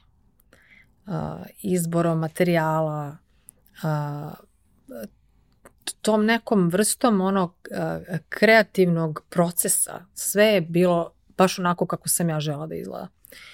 I nakon toga nalazim kompaniju u Beogradu koja je uslužno radila za mene cipele, to dok smo još bilo u Americi. I međutim, naš, neobjašnjivo je da nešto što ti gradiš uh, ne može da bude na tom nivou na kom ti želiš da bude, a da se ti maksimalno ne posvetiš. Ja sam imala ideju da to može sa daljine da se radi, imala sam čak i asistentkinju, bila smo svakodnevno u kontaktu i to, ali taj posao je bio stvarno na nivou hobija. Bio je na toj početnoj ideji da je to moj hobi i to je bilo to. Uh, uporedu sam razmišljala o povratku uh, u korporaciju, međutim stvarno mi je to bilo nekako nepojmljivo. Uh, s jedne strane imaš eto taj moment gde kao ti znaš da ti se ovaj posao dopada, ali mm, mislim ja ne znam... Nisi siguran da to može bude posao. Tako je. Upravo to, znaš, nisam bila sigurna da, da će to biti uh, profitabilno, da će to biti, mislim da će se to na kraju krajeva ljudima dopasti i tako dalje. I onda dolazi do našeg povratka.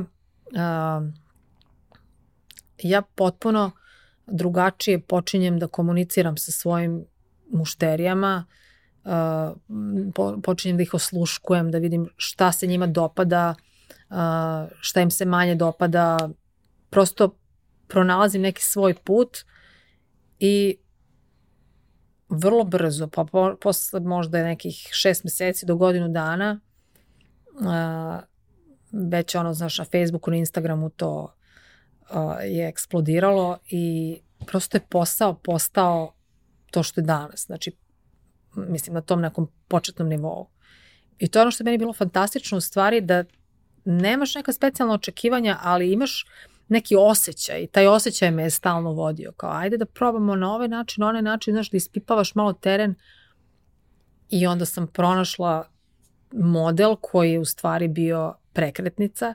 Napravila sam jedan model sandala koji dan danas imam u svojoj uh, u svojim kolekcijama koji je, sećam se da su me zvale neke moje a, drugarice koje inače ne nose takvu vrstu obuće, da mi čestitaju kao, e to je, to je cipela čoveče, to je cipela, znaš, ja sam bila kao, e, ok, ako su one bile, znaš, ono, zadovoljne, onda super.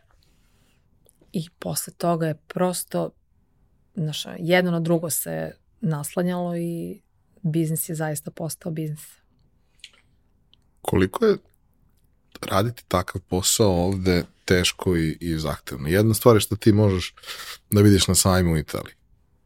Imam ja Ligu šampiona na televiziji, ali to ne mogu da gledam ovde. Mislim, ne mogu da gledam uživo, mogu da gledam na televiziji. Ovaj, koliko je to prosto različito, koliko je tržište spremno, koliko razume proizvod. Naravno, sve što, svaki mali proizvođač ne mora da razmišlja da li milion i po ljudi to može da kupi jer ne može da proizvede milion i po komada. Ali, znaš, naći taj sweet spot, naći svoje mesto i održati to na duge staze, a ne dok je samo nekakav trend i dok je interesantno, to su sve stvari koje te ne uče na kursu, koje ne možeš ni da naučiš u korporaciji jer nije isto. Ti kao pojedinac nemaš support sistem mm. koji imaš u bilo kom velikom sistemu. To je ono kad, pošto jeli, to je, to je stalna ovde tema i svi to vole i često ja i pričam sa tim ljudima, kad ono, ljudi koji su uspešni menadžeri iz korporacije hoće postanu preduzetnici. No, da. Ja kažem, dobro, a kako ćeš ugovor da napraviš?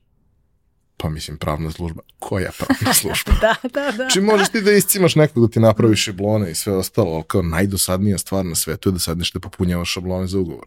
Užasno je dosadno. Pa mogu nekom drugom to da dam. I onda neko drugi snosi odgovornost za to. Znači, odnosno, ti prebacuješ tu odgovornost, ti si jedan. Nema drugi. Mm. Ti moraš sad nešto da popuniš. Ti moraš da pročitaš, ti moraš da razumeš. Ti moraš da se baviš nabavkom. Ti moraš da rešavaš ako neko kasni. A poznato je da u Srbiji su svi na vreme. majstori ne lažu, samo odlažu. Tako je, da. Ovaj, znaš kao, kako to sve izgleda? To je šizofrenija. Da, da. E, znaš šta, ja mislim da je prva stvar koju treba razlučiti kad krećeš u nešto, da li ti želiš da budeš umetnik, što smo malo prepričali, ili ne, ti daj želiš... Bože, nik... ili želiš da budeš osoba koja vodi jedan biznis. Znači, da ne kažem business woman, ali kao biznis osoba. E, I iskreno ti kažem, ja sam odmah bila vrlo iskrena sama prema sebi, rekla sam na šta, ovaj, lepo je to sve i ta umetnost i ostalo, ali mene zanima da ovaj biznis postane biznis, znači da postane nešto što je profitabilno. Uh, kako je obućarstvo onako jedna, jedna uh, oblast koja je odumiruća, je li? Ti znaš ti koliko je komplikovano? Kao i sve vrste zanata. Tako je. Znači, toliko je teško, sad nije da ja, znaš, ono, kukam nešto, ali zaista je teško naći uh, kvalitetne majstore, znači obućare, uh, krojače, šnajdere, sve je to vrlo, vrlo teško naći, da to, mislim, zaista na nešto liči. A to su ti obično te neke generacije s kojima ja sarađujem, znači 60 plus, koji su i dalje onako veoma bistrog uma i precizni i fantastični. Ali teško je naći te stručne jeli, ljude koji su opet na nekom malo višem nivou svesti da nije sve što je bilo pre 40 godina recimo, kako se radilo pre 40, 50 godina, 30 nebitno, da to i, i dalje tako mora da bude, znaš. I sad u suštini taj prvi period kada počinješ da radiš sa nekim je period neke vrste edukacije, uh, upoznavanja, znaš. Jer meni je pa jedno možda stvarno godinu dana trebalo da od svega što sam čula, znači sve sam čula ne, to ne može. To, a tako, ma nema šanse. Znaš, na primjer, ja imam puno modela koji nisu simetrični, koji nisu, uh, da, znaš, kako je to njima bilo teško Razumem. da. Znaš, ono, kao imam jedan model cipala koji uh, ima jedan prorez gde se vidi postava. Kao, zašto se to sad vidi? Zašto je to prosečeno? I tako dalje.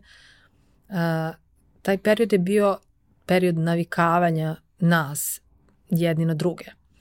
Uh, moji majstori su, mislim, navikli na mene zato što sam vrlo precizna. Znači, način na koji ja sa njima funkcionišem je takav da ako se mi nešto dogovorimo, stvarno, ja ću sve sa svoje strane da ispunim. Znači, nikad sa njima ništa se ne cenjkam, ništa ne pregovaram oko novca, oko vremena, ne znam, šta god. Znači, ako mi napravimo neki dogovor, taj dogovor prosto sa obe strane mora da se poštuje. I uh, u početku su me onako gledali kao jednu mladu, znaš, neiskusnu ženu koja je sad tu došla iz Amerike i puna entuzijazma i, znaš, ono, u suštini su, mislim, to je malo malo sa podsmehom stvarno bilo. Umetnica. Umetnica, da, da, sa šiškama. A, ovaj, kad smo dogovarali poslove, kada smo razgovarali o modelima i, i kada sam im objašnjavala zašto nešto hoću tako, i, a ne ovako, uh, kada sam onda po prvi put videla ono, znaš, trenutak kada te majstor razume. Znaš, znaš onaj, da, taj, znaš, onaj sjaj u očima kad kao, a, e, to je onda stvarno bio lep period.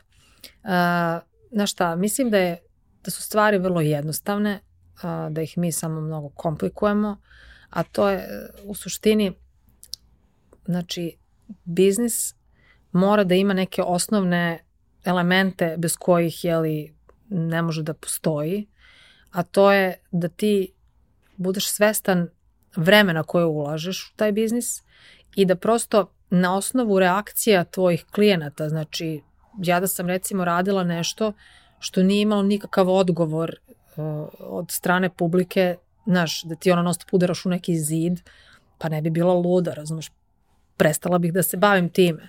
Ali pošto su kod mene, u mom slučaju su reakcije bile stvarno samo bolje i bolje i bolje, to mi je naravno davalo vetar u leđe da nastavim i da se trudim i da izmišljam neke nove stvari da dodajem stvari u svoje kolekcije, u uh, gift program i tako dalje, da prosto koristiš uh, svoje vreme koje ulažeš u taj biznis na najbolji mogući način da ga unapređuješ, znaš.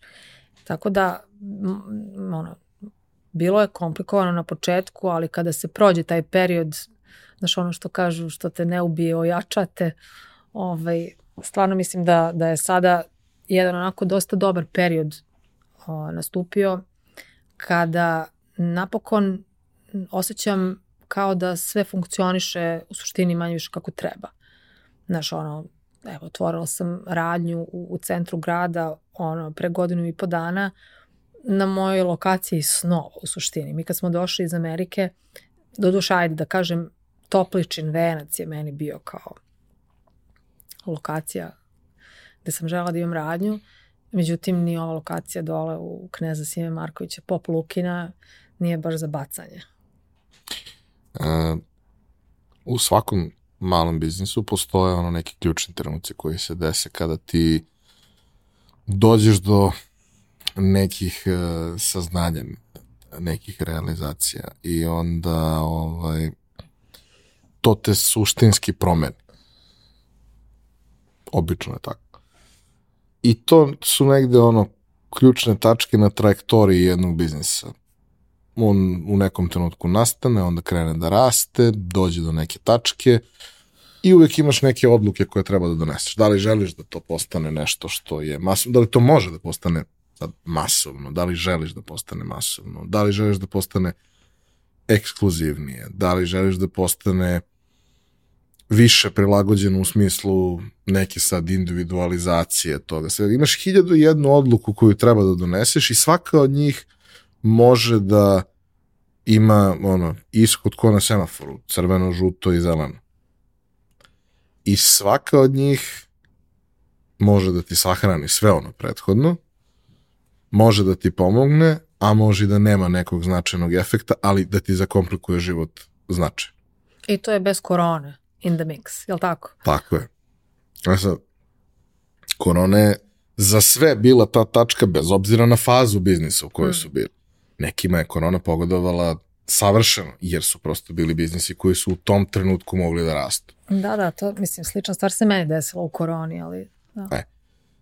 Koje su to neke ključne tačke i šta je bilo u koroni? E, ne znam, ajde da krenemo od korone, pošto to mi onako baš... Dosta onako preovlađujući osjećaj. da. Dešava se da u tom trenutku imam radnju u Čumiću, tamo u onom dizajn distriktu, zajedno sa svojom drugaricom i stalno je bilo ono kao, de, dešava se ta korona, ta, taj, mada iskreno ti kažem, nama se korona možda desila, desila i malo pre nego što je došlo u Srbiju, jer mi smo uh, te nove godine, znači 2019. na 2020. bili u Njujorku kod prijatelja. I mi kad smo se vratili, uh, kroz možda dve nedelje svi smo bili mrtvi bolesni. Ali, Amater. To, to, ali... Ja sam u septembru. Da. 19. I sećam se da je Sara imala upalu pluća tri nedelje, znači nismo imali pojma mm. šta je. Znači ova vrsta upale pluća se ne viđa. Čak smo bili kod Nestorovića. Pre nego što je Nestorović bio Nestorović, mi smo bili kod njega. I uh, znači ajde ta kao prehoda, svi smo bili nešto bolesni, svi smo se izređali, ali naravno tek u martu ti neko kaže, e, verovatno je to bila ta korona. E, a što se tiče biznisa, znači, uh, niko ne zna šta se dešava, uh, prodavnice se čas otvaraju, čas zatvaraju, čas radiš do šest, čas ne radiš, mislim, ono baš je bilo šizofreno u suštini. I, a pošto je bio mart mesec, to je period u kojem ja spremam kolekciju za proleće leto. I obično u martu mesecu putujem na sajem u Zagrebu. Dobro ja je da nije u Milanu. Nije, ali da, nije. Nisam išla ni u shopping, ni, u, ni na sajem. A, I ta količina obuće koju ja e, svake sezone napravim je onako malo ovaj, stvarno impozantna. A, mart mesec, e, šta ćemo da radimo sa radnjom, na šta ono, teško je, znaš, teško je tu odlučiti šta da se radi. Dogovaramo se, daj da zatvorimo za sada, pa ćemo videti tamo negde kasnije na jesen šta se dešava. Međutim, ja imam tu kolekciju čoveče. Znači, šta ja da radim s tim?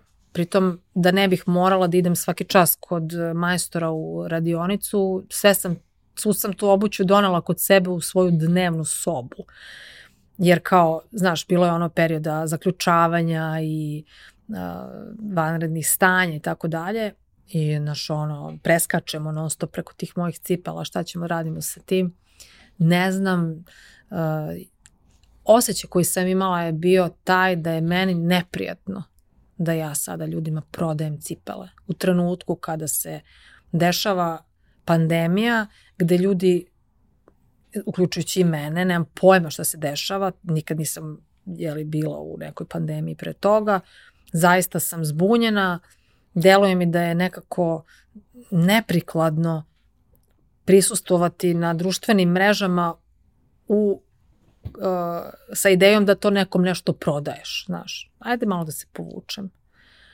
I to sam i uradila. Znači, prosto sam se povukla, a opet ti se, uh, ti gradiš taj neki odnos sa svojim mušterijama preko društvenih mreža gde si ti već svaki dan tu pomalo prisutan, objaviš po jednu fotku, dva, tri storija, znaš, ono kao, ja nisam brand Zara ili ne znam H&M, znaš, nisam neki fast fashion brand. Znaš, ljudi vole da vide da sam tu, da se pojavljam, međutim ja odlučujem da se povučem, a opet s druge strane, znači uložila sam stvarno mnogo novca da napravim tu novu kolekciju.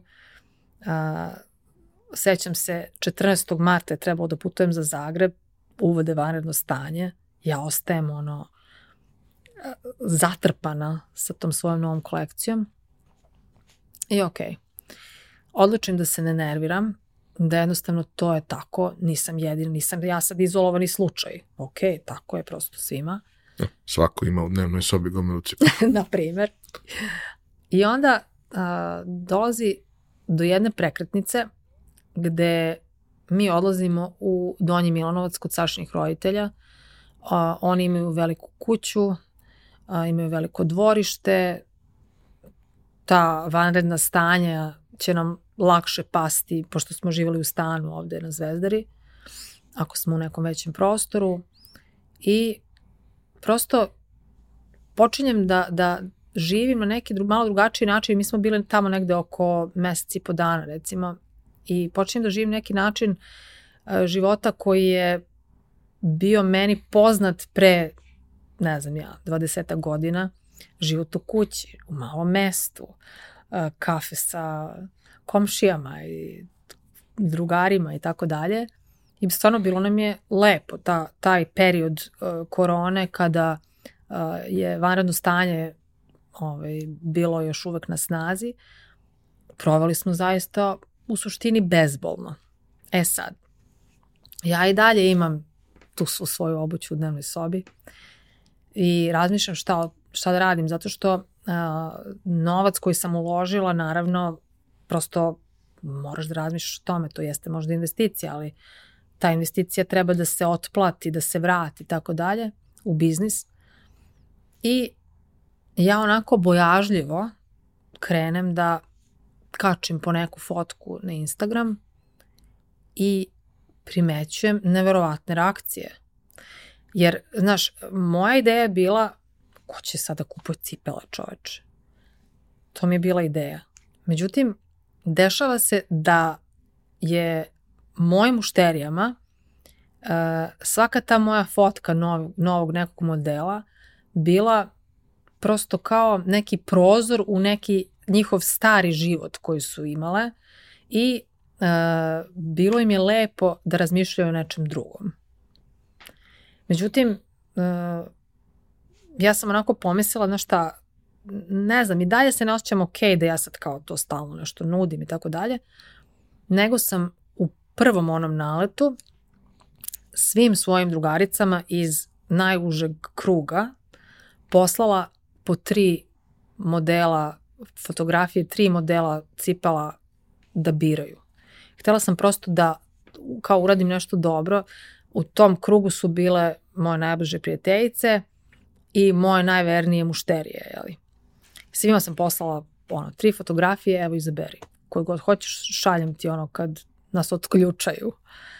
A, tako da sam za, za možda jedno tridesetak pari smanjila tu svoju gomilu iz dnevne sobe i bilo mi onako baš lepo da, da, da, ta, da to uradim i svima sam napisala onako poruku, prosto eto, ajmo da skrenemo misli na neku lepšu stranu, ono, hvala što ste u mom životu i to je bilo to. Posle toga shvatam da je moja radnja zatvorena već neko vreme i da u suštini i da hoću nekom nešto da prodam, jer ipak obuća mora da se, mislim, mnoge žene smatraju da obuća mora da se proba i ajde, okej, znači, šta, da, šta ja mogu da uradim da ipak kao bude dostupna ta moja obuća njima, a da ne moraju da probaju. Javi mi se neka mušterija, kaže ja ne znam tačno koja sam veličina, ja sam tu ne, nešto između 37 i 38 i kažem u redu, poslaću vam oba para, kao ono Warby Parker za naučare, mm, poslaću vam oba para, probajte ih, ako vam odgovaraju jedne ili druge, zadržite te, ove druge mi vratite, ako ne odgovaraju ni jedne, nema problema, vratite o mom trošku. Tako da sam, raz, e, ta korona i taj period uh, vanrednog stanja me je naterao da smislim nešto novo, nešto što niko nije radio, nešto što bi možda ljudi pamtili iz te korone kao neku pozitivnu stvar koja im se desila, znaš. I mogu da ti kažem da je taj period bio zaista pozitivan za moj biznis. Zato što nisu mogli da dolaze u moju radnju, ja sam stavila neku kao trajnu uh, rasprodaju od, ne znam, 15%, tako nešto, pošto moj brend je inače poznat po tome da jako redko ima sniženja. Uh, stavim tu neku kao trajnu rasprodaju dok moja radnja ne radi. I onda sam petkom, pošto je vanredno stanje počinjalo kad beš u šest, ili tako? Variralo. E, ali da kažemo da je u šest, ja petkom u šest popodne na Instagramu objavim deset pari cipela u različitim veličinama e, po sniženoj toj ceni od 15% i to je bila ona bukvalno igra brzih prstiju.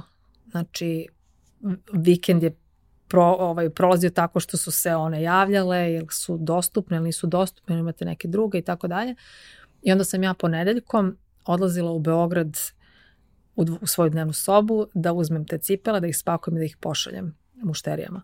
Tako da je korona mene natarala da razmišljam na jedan onako malo uh, možda zanimljiviji način, da smislim neki novi metod, da prosto iz sebe malo uh, angažujem da ne padne moja ta energija i taj moj entuzijazam, nego da kažem, na šta, stvari su takve kakve jesu, ajde da probamo da iz njih izvučemo nešto najbolje, a da opet naš, ne gaziš nešto preko mrtvih ili tako dalje, nego prosto kao radiš u najboljem interesu i svom, ali i svojih mušterija. A kaže mi, ok, to, to su opet neke specifične okolnosti. Ne, ne ponovila ovaj, ali svi smo u suštini najviše strepeli od toga da ne znamo kad će da se završi, ne znamo da li će da se završi prvo, a naročito ne znamo kad. I uvijek je mnogo lakše izboriti se sa nekom situacijom koliko god da je loša, ko zna da će traje dva meseca, izdržat ćeš nekako. Nekako ćeš preživati. Ali ovo realno nismo znali koliko će da traje i ako ćemo iskreno, mislim, traje ono i dalje, ali da. smo prestali da se obaziremo na taj način. Ovaj, ali tih prvih tri, četiri mesta su zaista bili užasni. I onda ta neka neverica narednih godinu dana i malo jače, gde u svakom trenutku nešto loše može da se desi. Odnosno, čuješ i dalje prilično često u svom okruženju jeli, ljude koji, koji imaju ozbiljne, ozbiljne zdravstvene probleme. E, nakon toga je trebalo vratiti se u nešto što zovemo normala, jel? Ali normala pre toga i posle toga ne može da bude ista, zato što znaš da ovo može da se desi pre toga, da, kao istorijski gledano bilo je takvih stvari, jer naša generacija nije doživjela ni jednu. Krećeš u nešto sa jeli, neizvesnošću šta i kako dalje, a na neki način vreme za iskorak. I šta onda radi luda žena sa šiškama? Ali moguće da je u stvari uh, naš način računanja vremena sada pre i posle korone. Stalno nešto se obaziremo kako je bilo za vreme, a evo sada nakon što je kao je, uslovno rečeno prošla korona. Vidi, mislim, ima nas raznih. Mi muškarci brojimo vreme pre i posle Mijatove prečke. A onda sve ostalo. Znaš, ono, pre i posle Saletove trojke, pa sve da, onoga da, da. što se, što se dešavalo. Ali uvek su to neka traumatična stanja. Nikad ne brojiš od nečeg lepog. Tako je. Um, meni je bio potreban prostor gde će moje mušterije doći i moći eto da probaju nove kolekcije i tako dalje.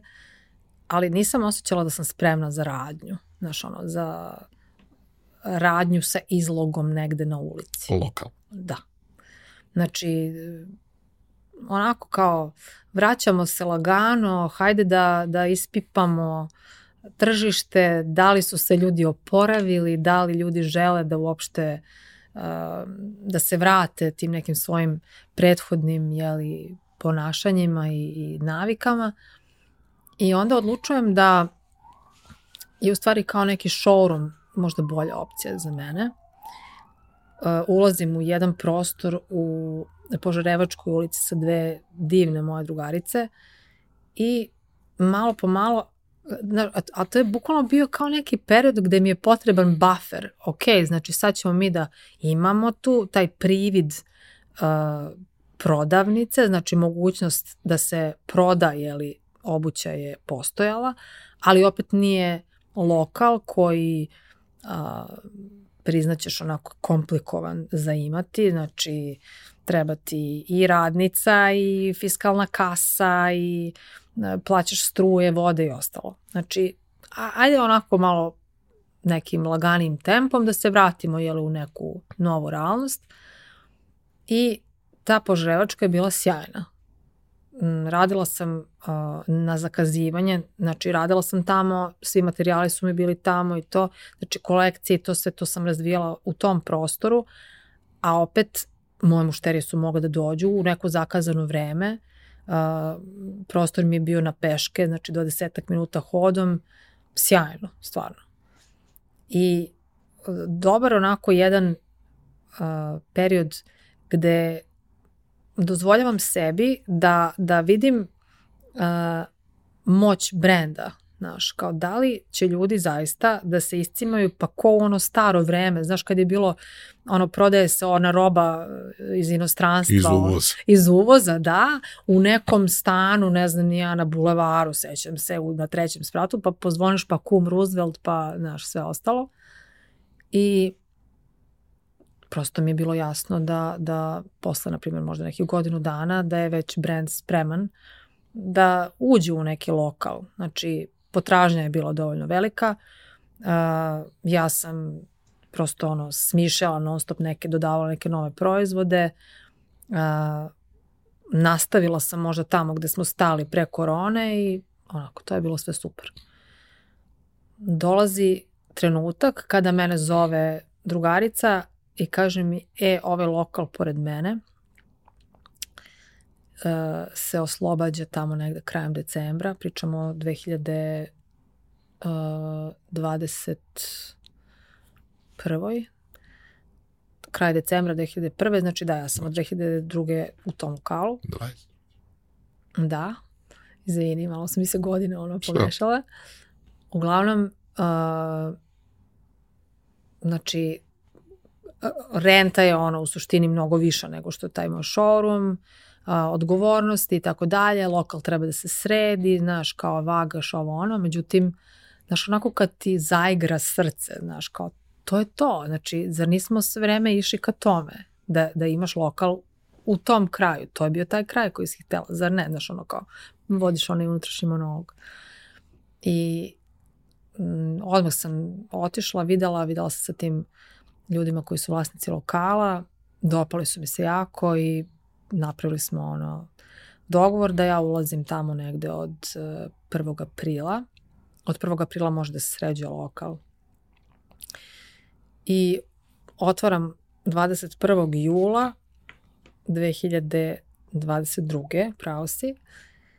I, znaš, uh, kad, kad ulaziš u neku novu priču, naravno, ja sam barem takva, ulazim sa neverovatnim optimizmom i, i entuzijazmom i onako sam uh, potpuno ono uh, spremna da zapnem, da radim sve što treba, da, da radim sama, da šta god, ali mi je stvarno cilj da to uspe. Znači ne ulazim nekako u stvari polu nešto je kao pa dobro, ako uspe, uspe, znaš, ne, ja sam u zonu, e, ovo mora da uspe nekako, znaš. I uh, prva godina je bilo onako malo, znaš, e, sporija, ali sam bila u onako finom plusu. I baš sam razgovarala sa, sa jednom drugaricom koja ono već dugo ima svoje lokale i ona me pita pa kao, kako ti je bila prva godina kao, znaš, ono, jesi bil, kao, koliko si otprilike bilo u minusu, znaš. Ja kažem, pa nisam bila u minusu, mislim, bila sam u plusu toliko i toliko, znaš. Svaka ti čast, kao to je redko. Jer ipak, znaš, dosta tu ima nekih faktora. Stvarno je renta nekako uh, znaš, ok, naravno sad pričamo posle i o periodu kad su došli braća Rusi i sve se promenilo, znaš, ono kao lokali koji su koštali nekad 600 evra, sad koštaju 2400 i tako dalje, ali ne pričamo o tome, pričamo ono konkretnim nekim no, dobro, ciframa. imaš gomilu fiksnih troškova za posao koje prethodno nisi imao. Tako je. Nije to sad bog zna kako strašno, ali od nula do nekih ozbiljnih ili od par stotina evra do par hiljada evra Tako fiksnih je, troškova, da, da, da. dosta razlike. Velika razlika, a opet, uh, znaš, ja uporedo dosta, znaš, ono, radim i na društvenim mrežama, prodajem na društvenim mrežama i ne, meni besmisleno da ti sad taj novac koji zaradiš na taj način, mislim, ok, naravno to sve ide u isti biznis, isto se plaća isti porez i tako dalje, ali hoću da kažem, besmisleno mi je da ulažeš u radnju ako ta radnja jeli, nije profitabilna. Međutim, radnja je već od prve godine profitabilna bila, znaš. Lokacija je fenomenalna, ok, uh, trebalo je neko vreme da se ljudi naviknu da, da je to ta lokacija, ali u suštini mislim baš je onako na lepom mestu dosta ima saobraćaja ono foot traffic i čak, znaš, dosta ljudi dolazi onako i da nije znalo, znaš, na basa na tu radnju, pa kao, aha, zanimljivo izgleda i onda uđu. Tako da je to bio sledeći korak uh, koji sam napravila posle korone i uh, učestvovala sam na gomile nekih sajmova. Bila sam u Beču, u Zagrebu i tu sam isto videla da je region onako, i u Sarajevu sam isto bila, naš region je onako dosta dobro moje tržište. Uh, šaljem puno i, i u neke druge evropske gradove, i u Ameriku, i u Kanadu i to, ali u suštini naš region mi je uh, dominantno moja publika. Dobro, sad je prošlo neko vreme. Određeni broj godina plus COVID, dakle Neko Osam ko... godina, ali oduzimamo tri godine od COVID? Pa ne znam, znaš, ono kao, i dalje je varijanta, kad je to bilo prošle godine, 2019. Da, da. Ali dobro. Ovaj, prošlo je neko vreme, prošlo je neki broj komada, prošlo je neki promet preko računa plaćene gomena nekog poreza i svega toga. I šta si ti shvatila posle svog tog vremena? Šta bi, šta si ti lično shvatila, zašto je to za tebe važno, zašto ti u tome i dalje vidiš sebe i šta bi poručila, ne ukažem preporučila, ali šta bi poručila nekoj drugoj ludoj ženi sa šiškama koja ima neku svoju ideju? Ako sa radošću obavljaš te neke naporne i dosadne taskove koje svi imamo u svojim poslovima, a znaš da na kraju dana ti opet uh, napraviš nešto svojim rukama, dobro, ajde sad ja ne radim sama više, ali ako napraviš eto i svoj brend na kraju krajeva svojim rukama, ako možemo tako da kažemo, i ako to sve radiš sa radošću i sa uživanjem, a da pritom možeš da putuješ, da provedeš vreme sa svojom porodicom na način i kada ti to hoćeš, ja mislim da je to stvarno privilegija u današnjem vremenu. I ne želim da zvučim ko neka Amerikanka, ali stvarno sam iskreno zahvalna za tu, za taj način života koji trenutno vodim. Mislim, zaista, ono već drugarice me zezuju, zovu me Kambođica. Ima neka devojka na, na, na tipa TikToku koja opisuje uh, horoskopske znake i sad pošto sam ja strelac Znam. znaš, znaš što je mimo Sjajno, da. odlično je i sad ne znam moje drugarice su jedna vaga, jedna vodolija, jedna bik i jedna strelac i ja sam strelac i sad dolazi do strelca i ova kao devojka vadi pasoš i u fazonu je e ljudi dala sam otkaz idem u Kambođu ćao pis Kambođica dolazim i od tad me zove Kambođica zato što sam ja non stop nešto u fazonu ili sam na putu ili planiram drugo putovanje. Mislim iskreno rečeno ko to ko radi u korporaciji može sebi da priušti vremenski, ne pričam samo o, o financijama. Uh, shvatila sam, da ti odgovorim na pitanje, da je vreme moj najveći ono asset, znači naj, najveća moja vrednost koju ja imam, moj resurs koji imam u životu. Uh, izvini zbog ovih anglicizama, ali ne inače... problem. Ne, ti ne vidiš problem, zato što i ti koristiš te anglicizme i to je meni sasvim ok, ali veruj mi da ljudi vide problem i onda kao ja, ona je živjela u Americi i kao, znaš... Neka uđu u 20. vek, pa zajedno 100 godina u 21. Se, ali... sve okej. Okay. Nekad mi je onako komplikovano da nađem tu neku pravu reč na srpskom. Znači, kad mi neko kaže na računaru nešto da treba da mu kažem na srpskom, a ja sam to naučio na engleskom, Ili na telefonu. Jednostavno, brate, ne umem, ne želim, nikad neću reći za interfejs sučelje. Znači, da, da, da ili sebić ili šta već. Pa dobro, šta god da koriste od ovih da. svih mogućih izraza. Znači, brate, neću. Mm. A znaš, ali to je neispravno. A ne zanima.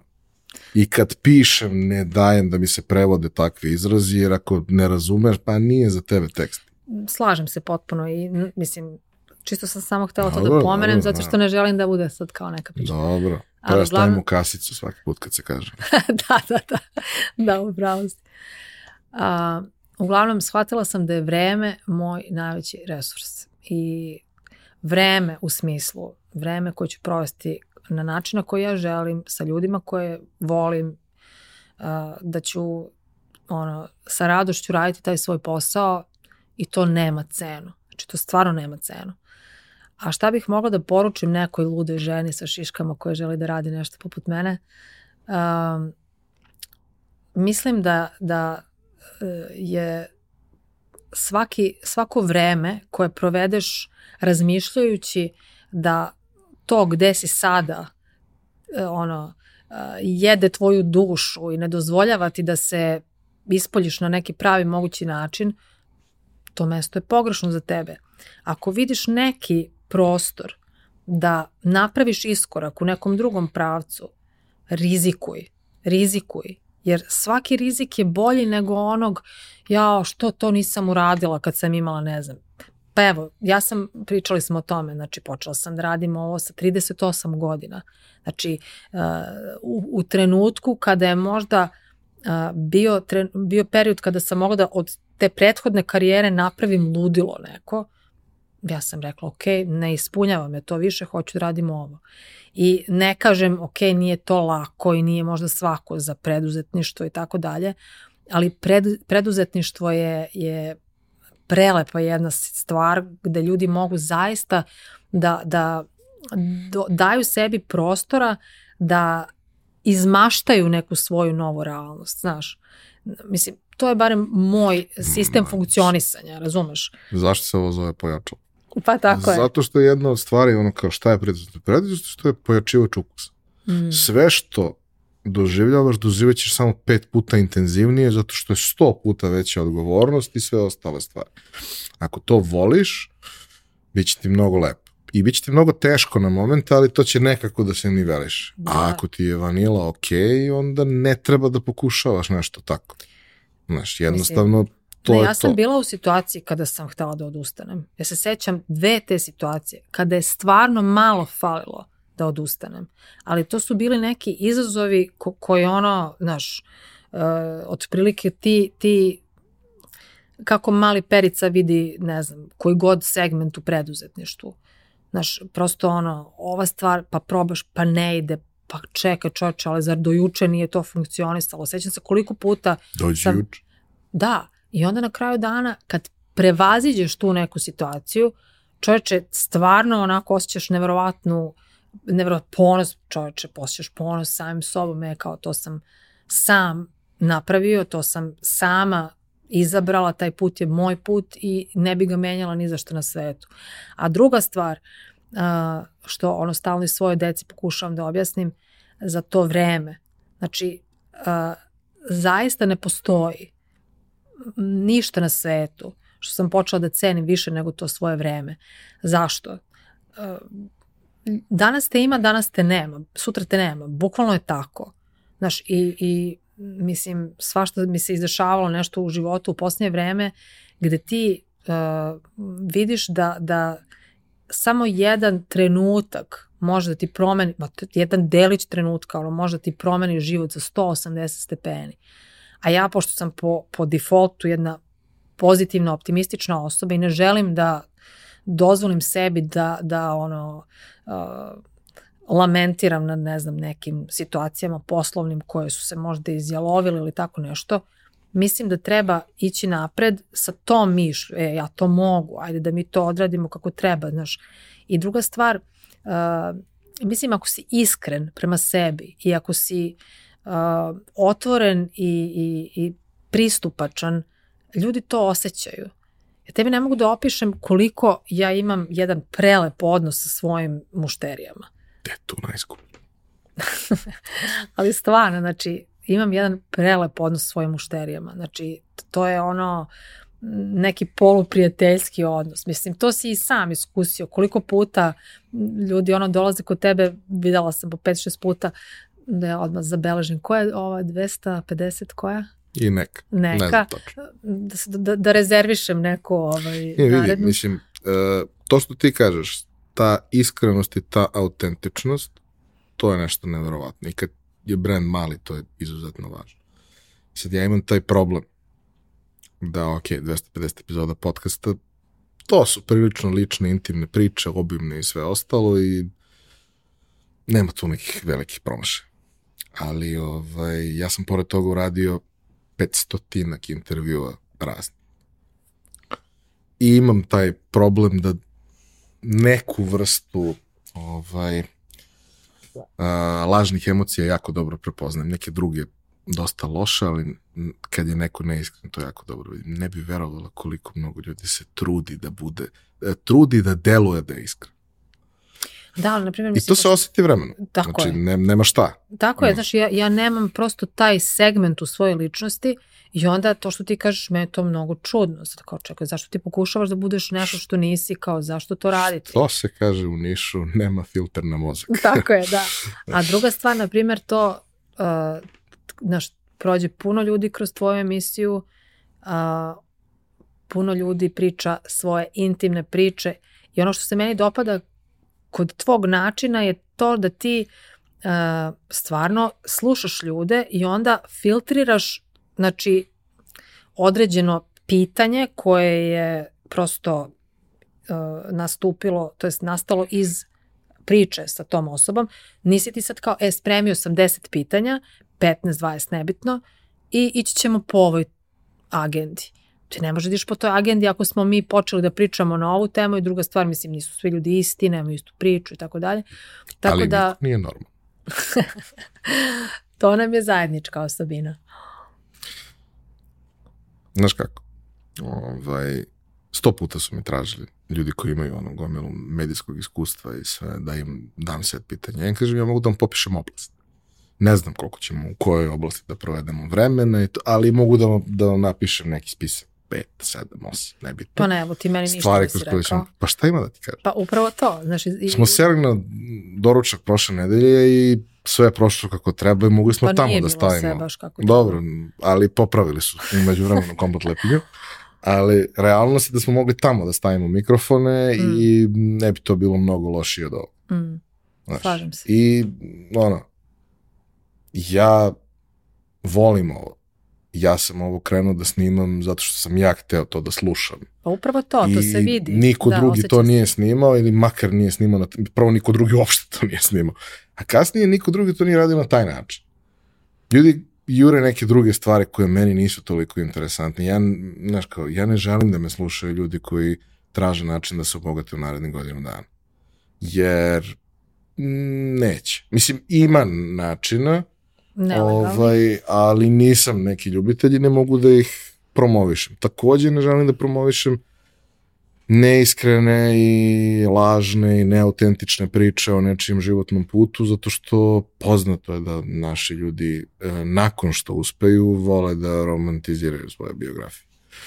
E, ja to ne volim da radim ni u svom životu, a ne volim ni kada to rade gost. Da li ćemo baš sve da ispričamo? Pa nećemo da ispričamo. Prvo ne može za dva sata, drugo ne moramo baš sve da ispričamo. Ali bi bilo jako glupo da preskočimo neke važne segmente. Znači, ne znam, jedna od prethodnih epizoda moj dragi prijatelj je ispričao kako je u suštini bankrotirao, iako bi trebalo da je, jeli, finansijski stručnjak. Jeste. I ljudi greše. I ako si pametan, naučiš nešto na toj grešci, pa sledeći put napraviš novu, drugačiju. Ali niko od nas nije bezgrešan, oni koji su manje grešni od drugih su oni koji su manje puta pokušali. Mm.